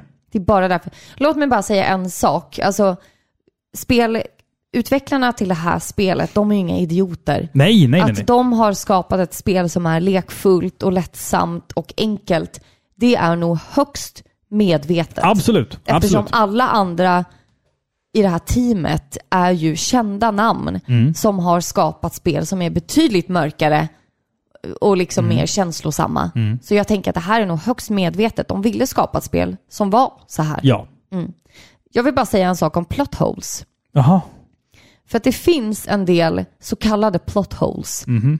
Eh, eller man kan säga oavslutade ändar. Det finns det ju. Massor. Absolut. Ja. Eh, Jag skulle inte kalla det för där- plot holes, men jag Nej, skulle... precis, loose plot ends finns loose det. ends, ja. precis. Jag gillar det Jag i med. det här spelet. Mm. För det här känns inte som att det var gjort av misstag. Eftersom det här spelet är så, alltså det är så finpolerat ut i minsta detalj. Mm. Så lämnar de en person, eller lämnar de någon liksom story Mm. utan ände, då vet man att de vill ha det så. Mm, De sanno- inte sanno- minst- Sannolikt för att de tänkte att vi ska nog göra en uppföljare på det här. Det kan vara så. Tror jag. Men det är många sådana här loose ends, som man säger så. Mm. Och jag uppskattar det, för det känns som att här är det upp till spelaren att själv avgöra, liksom baserat på det som har hänt, Mm. vad som följde. Mm. Så det kändes aldrig som en dålig sak. Nej, alltså jag, jag, jag, jag kan tycka sånt också. Så här, varför måste man knyta ihop varje säck? Det, är väl, det, är väl, det finns ju gott om grejer i det här spelet där man tänker att man kommer nog aldrig få något svar på den här frågan. Och det gillar jag lite för att det får jag nog tänka själv.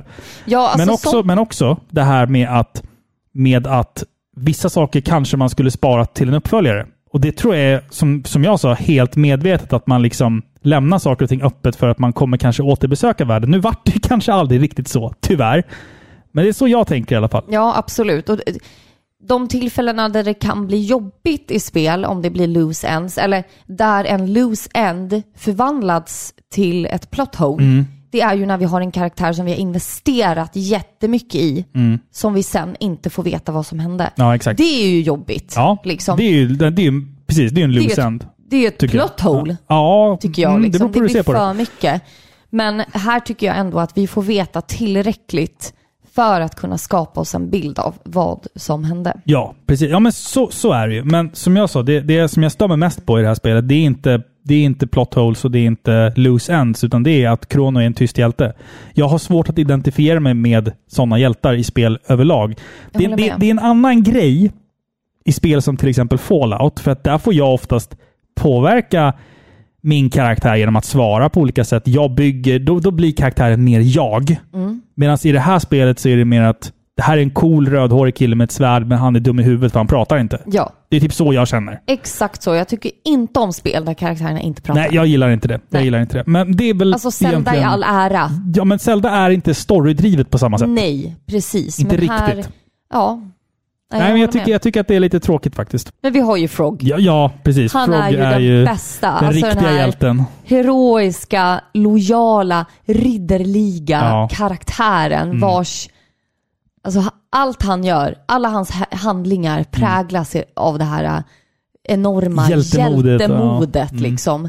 Alltså han är ju den bästa Han, är- karaktären. han är en fan favorite av många. Ja men det är ju faktiskt. så. Alltså, och det är ju hans sidequests också som eh, verkligen ger djup till Mm. det här spelet. Och det här med att han pratar väldigt gammeldags engelska. Det är ju en, en grej som man bara gjorde i den engelska översättningen av spelet. I den japanska versionen så pratar han ju Som dem. som dem. Jaha! Men i den amerikanska översättningen så bara, nej men vi ska göra han lite unik genom att ge han den här lite though. Alltså Ja. du vet, brittisk, väldigt, väldigt gammeldags engelska. ehm, inte dialekten, men vad fan säger man? Sättet att prata, retoriken är ju väldigt, Thou shalt not pass. ja det är väldigt så liksom. Men jag uppskattar det. Frog är ju en, som sagt, en favorit bland publiken. Jag, jag gillar Ayla väldigt mycket.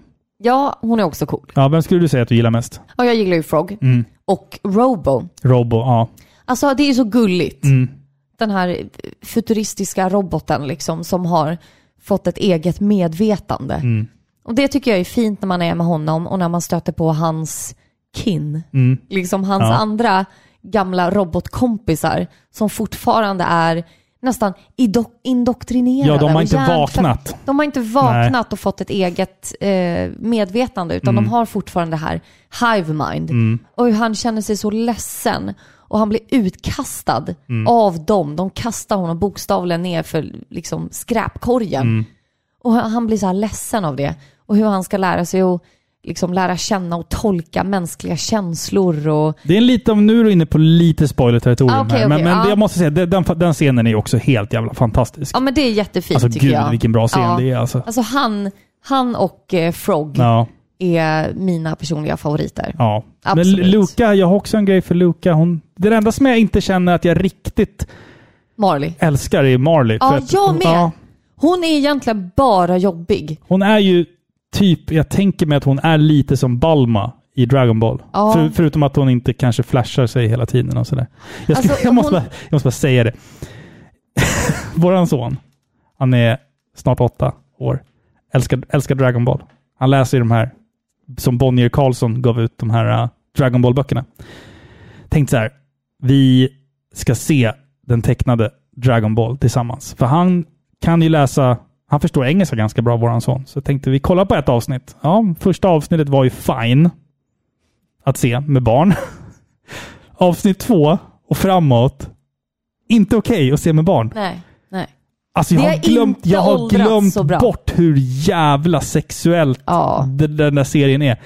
Det är så mycket framstjärtar och tuttar Ja, och rumpor och underkläder. Snoppar. Och alltså, jag blev bara så här, alltså vi var tvungna att stänga av, vi kan inte se det här. Nej. Det, det går inte. Det, jag, kan, jag kan inte med gott samvete visa mina barn det här. Det är en annan tid nu va? Alltså det är en grej om man ser Son Gokus lilla pillesnopp.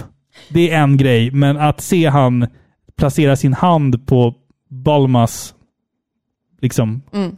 Kön. Det är... Det är inte okej. Det, Det är inte okej. nej, eller du vet när hon ligger och sover och han smyger in och lyfter på hennes kjol för att titta Ja. under, frågar varför inte hon har någon svans. Och man bara what the fuck is Ja. this? Alltså det här, Too much.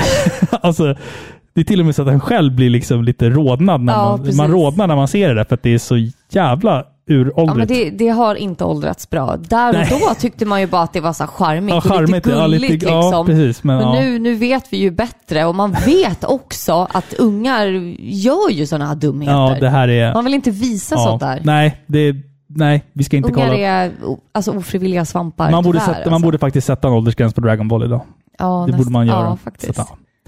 Ska vi prata om slutet i Chrono Trigger och Ja. ändå hålla det spoilerfritt? Ja, vi kan ju liksom förklara hur det går till. Det här spelet har ju mer eller mindre 12 olika slut, beroende på hur man ser lite på det. De här baseras ju på vad du gör under spelets gång, eller vad du inte gör också. Eh, Dina handlingar får kort och gott konsekvenser. Eh, Så det finns liksom slut som är helt jävla skruvade. Alltså så way out there att du inte har någon aning. Sen finns det kanske fem eller sex traditionella slut. Liksom. Somliga är bättre, somliga är sämre. Eh, och eh, det som är sjukt är att tidigt i spelet så kan du välja att bara gå till slutbossen direkt. Ja. Men du kommer få stryk Mm. och du kommer få ett bad ending. Men det Ja. räknas ändå som ett slut. Det stämmer. Så här, då så får du upp en, jag ska- försöka inte spoila det här, men det står liksom att världen vägrade ändra på sig. Står Ja. det liksom. och det, Du får worst case scenario. Ja, det får du. Ja. Eh, och sen så finns det ju liksom beroende på, du kan hela tiden, från en viss punkt i spelet så kan du välja att gå vidare i handlingen eller gå till slutbossen. Okej, men jag kör vidare handlingen två steg till och sen gå till slutbossen. Du kan hela tiden välja att avbryta dina uppdrag och gå till slutbossen. Mm. Det tycker jag är så jäkla coolt. Mm. Och återigen, hur fan gjorde man det här? Ja, och ja, det här tycker jag är ett bra sätt att... För har du det i åtanke Mm. som spelare, om du märker när du spelar det här första gången, okej, så jag kan typ ta nu, Mm. men what's the catch? Ja, exakt. Det kommer ju alltid göra att du spelar lite mer. Ja, precis. För du vill inte riskera att få ett bad ending. Nej. Och det som avgör är ju liksom hur väl du har spelat spelet och hur mycket sidequests du Och har hur, mycket gjort. du, hur mycket du engagerar dig i världen. Precis. Eller världarna, säger man Så till du har ju dina kompanjoner.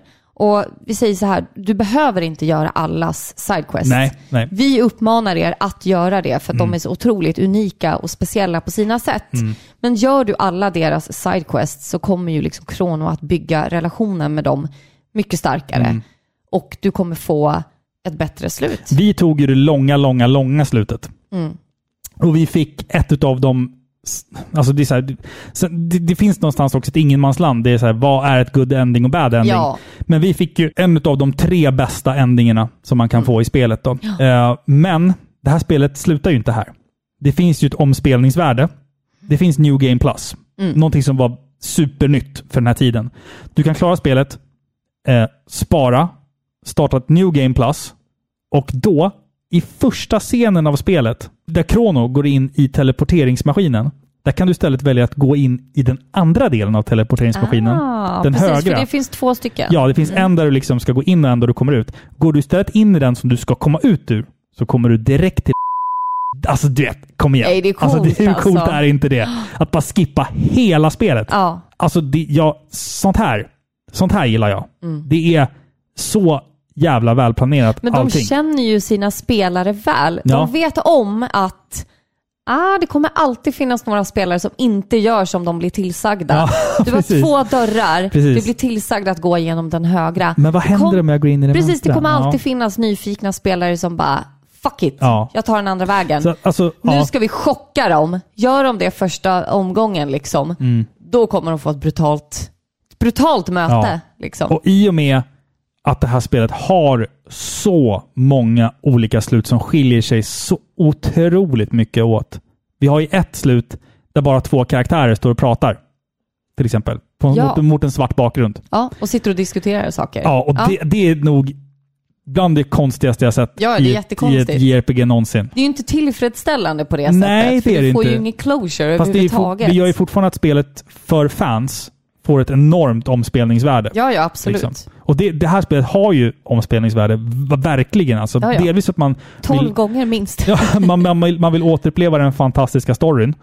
Men också det här med att man faktiskt kan få olika slut i spelet. Det gör ju att man vill ju verkligen spela det igen för att se vad man kan göra annorlunda. Liksom. Precis. Mm. Ja, fantastiskt. Ja, jag älskar sånt här alltså. Ska vi försöka sammanfatta det här spelet? Har du några väl valda ord, Filippa? Ja, men då får jag väl tala från hjärtat då. Mm, det tycker jag du ska göra. Det gör du väl Ja, men- jämt? Gör du inte det? Jo, men ibland har jag lite anteckningar. Jag har Ja. anteckningar, men Mm. inte till det här. Jag har förskrivit en grej som kanske är lite cheesy, men okej. Ja, men det brukar Ja. du göra. Ja. Nej, men vad ska man säga? Chrono Trigger, det här var ett spel som jag länge ville spela. Det visade sig vara ett spel som jag inte hade förväntat mig. Mm. Jag hade stora förväntningar på att det skulle vara på ett visst sätt, liksom. men det visade sig vara någonting helt annat. Och överlag så blev jag inte besviken. Alltså Nej. det här fantastiskt vackra, snygga, detaljerade, mysiga, quirky, lättsamma, enkla spelet Mm. har gett mig ett otroligt mysigt äventyr i x antal timmar. Jag tycker att det här är en riktig pärla som alla rollspelsälskare ska prova på. För det är en klassiker. Det har blivit det, kan man säga. Mm. Otroligt mysigt, otroligt vackert. För mig det bästa, det är ändå musiken tycker jag. Mm. Och stämningarna. Och hela konceptet med tidsresor är så före sin tid Absolut. otroligt före sin tid Mm. och det är så välgjort att det bara liksom ökar ens nyfikenhet och man vill bara se mer. Mm. Jag är lite... Jag tycker att det var lite tråkigt att det var så pass enkelt och att det inte var så pass stort som jag trodde att det skulle vara. Men jag tycker att själva karaktärerna och som sagt musiken och ja, spelets stora dimension när det gäller tidsresor verkligen eh, makes up for it, om man säger så. Så spela Chrono Trigger, verkligen. Underbart spel. Jag tycker lite som du sa där att det är, det når aldrig det här mörka djupet. Men det är ett annat typ av djup man, man får...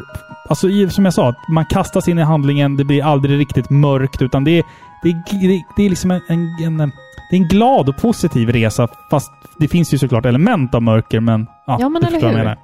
Jag säger så här, Chrono Trigger figurerar som en kronjuvel i det pärlband som skulle utgöra guldåldern av JRPG. Det började på Super Nintendo, det slutade någonstans runt Playstation 2-eran, eller vad man ska säga. Ett episkt äventyr genom tid och rum, en helt unik upplevelse både för sin tid, men även i detta nu, tycker jag. Jag älskar det här spelet för att det är så unikt. Det står helt på sina egna ben utan att vara en del av en större spelserie eller låna för mycket av någonting annat. Det kom och det gick lite grann. Och idag är Chrono Trigger älskat av fansen, men tyvärr bortglömt av skaparna. Även om det har funnits intresse att kanske sparka nytt liv i serien, så ser det ut som att det tyvärr aldrig kommer bli så. Vi snackar alltså unik gameplay, en gripande handling som bjuder på en lagom dos skratt, men också lite lättsamma existentiella frågor. Det går aldrig riktigt ner till det här super, super mörka.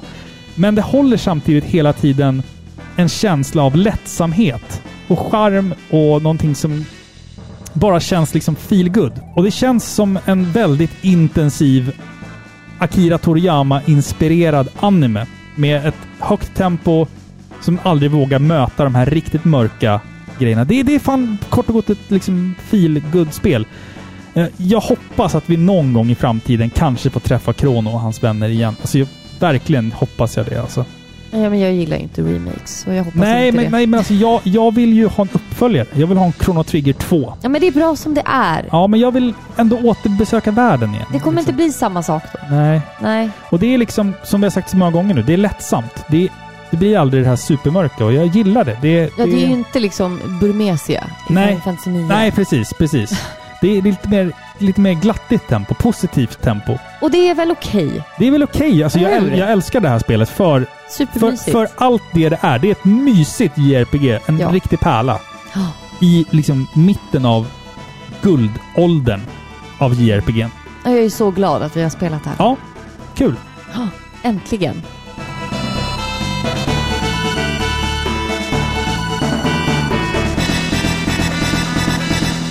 Ska vi börja runda ihop för idag eller? Ja, men det tycker jag. Ja, vi har ju- Min röst håller inte längre. Nej, jag märker det. Jag märker det. Vi har ju också dragit en vinnare i tävlingen som vi har tillsammans med spel och sånt. För att vinna ett Nintendo e-shop-kort på 500 kronor så bad vi er lyssnare på Instagram att skriva ert finaste Nintendo-relaterade minne. Och förra gången fick du välja en vinnare. Den här gången har jag valt en vinnare. Spännande. Och vinnaren är Ronny A. Kåsson. Wow! Det, alltså, hans namn är alltså Ronny understreck A understreck K-S-O-N. Åk, Åksson kanske. Eller något. Stort grattis! ja, du får, om du hör det här får du jättegärna skriva ett DM till oss på Instagram eller så hör vi av oss till dig.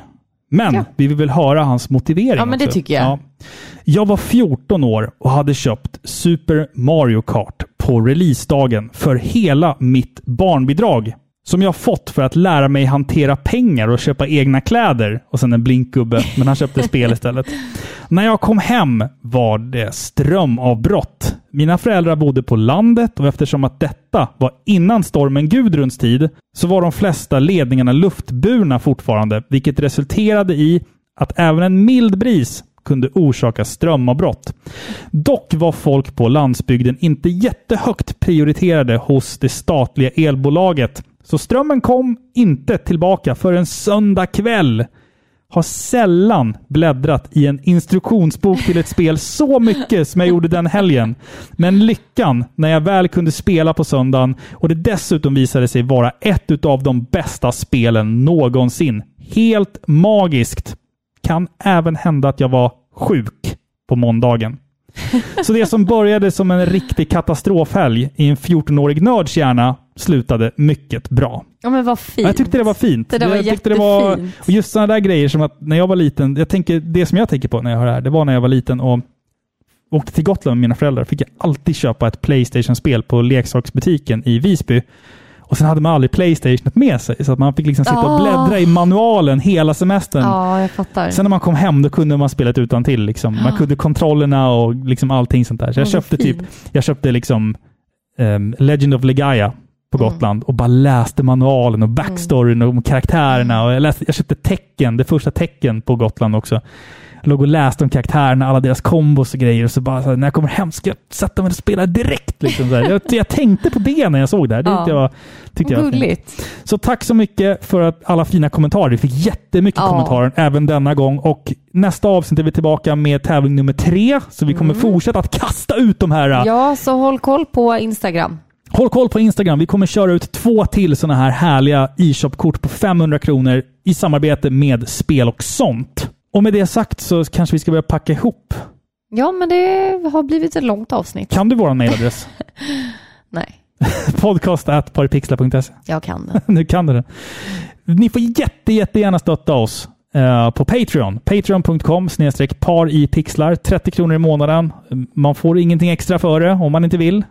Ni får vår tacksamhet. Ni får vår eviga tacksamhet. Eh, Vill man också så kan man stötta oss via Paypal. Paypal.me snedstreck par i pixlar om ni vill skicka ett engångsbelopp. Det går lika bra. Men har man inte möjlighet att stötta ekonomiskt så är vi ju självklart jättetacksamma för alla gilla-markeringar och bara att ni lyssnar. Jättegärna kommentera avsnitten får ni göra Ja, också. För det tycker vill. vi är superkul att ni Ja, bara säger. skriv vad ni tycker om avsnitten. Ja, det är det jättekul. betyder supermycket faktiskt. Så gå in och följ oss i sociala medier så så, så blir vi superglada. Och jättegärna dela så här. Lägg upp en selfie när du lyssnar på Eller Parapixlar. skriv ett mail till Skriv oss. ett mail till oss. Bara kontakta oss. Bekräfta oss! Ja, annars glömmer vi bort att vi existerar.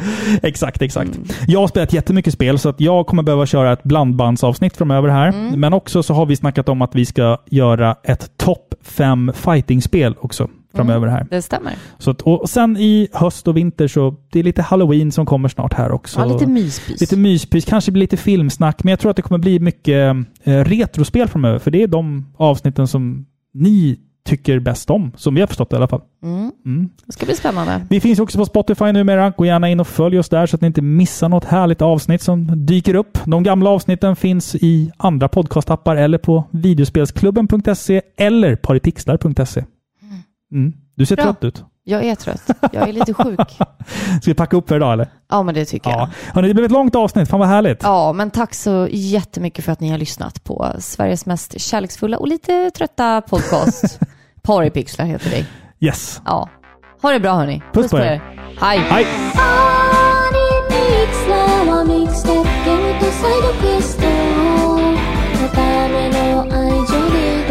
パ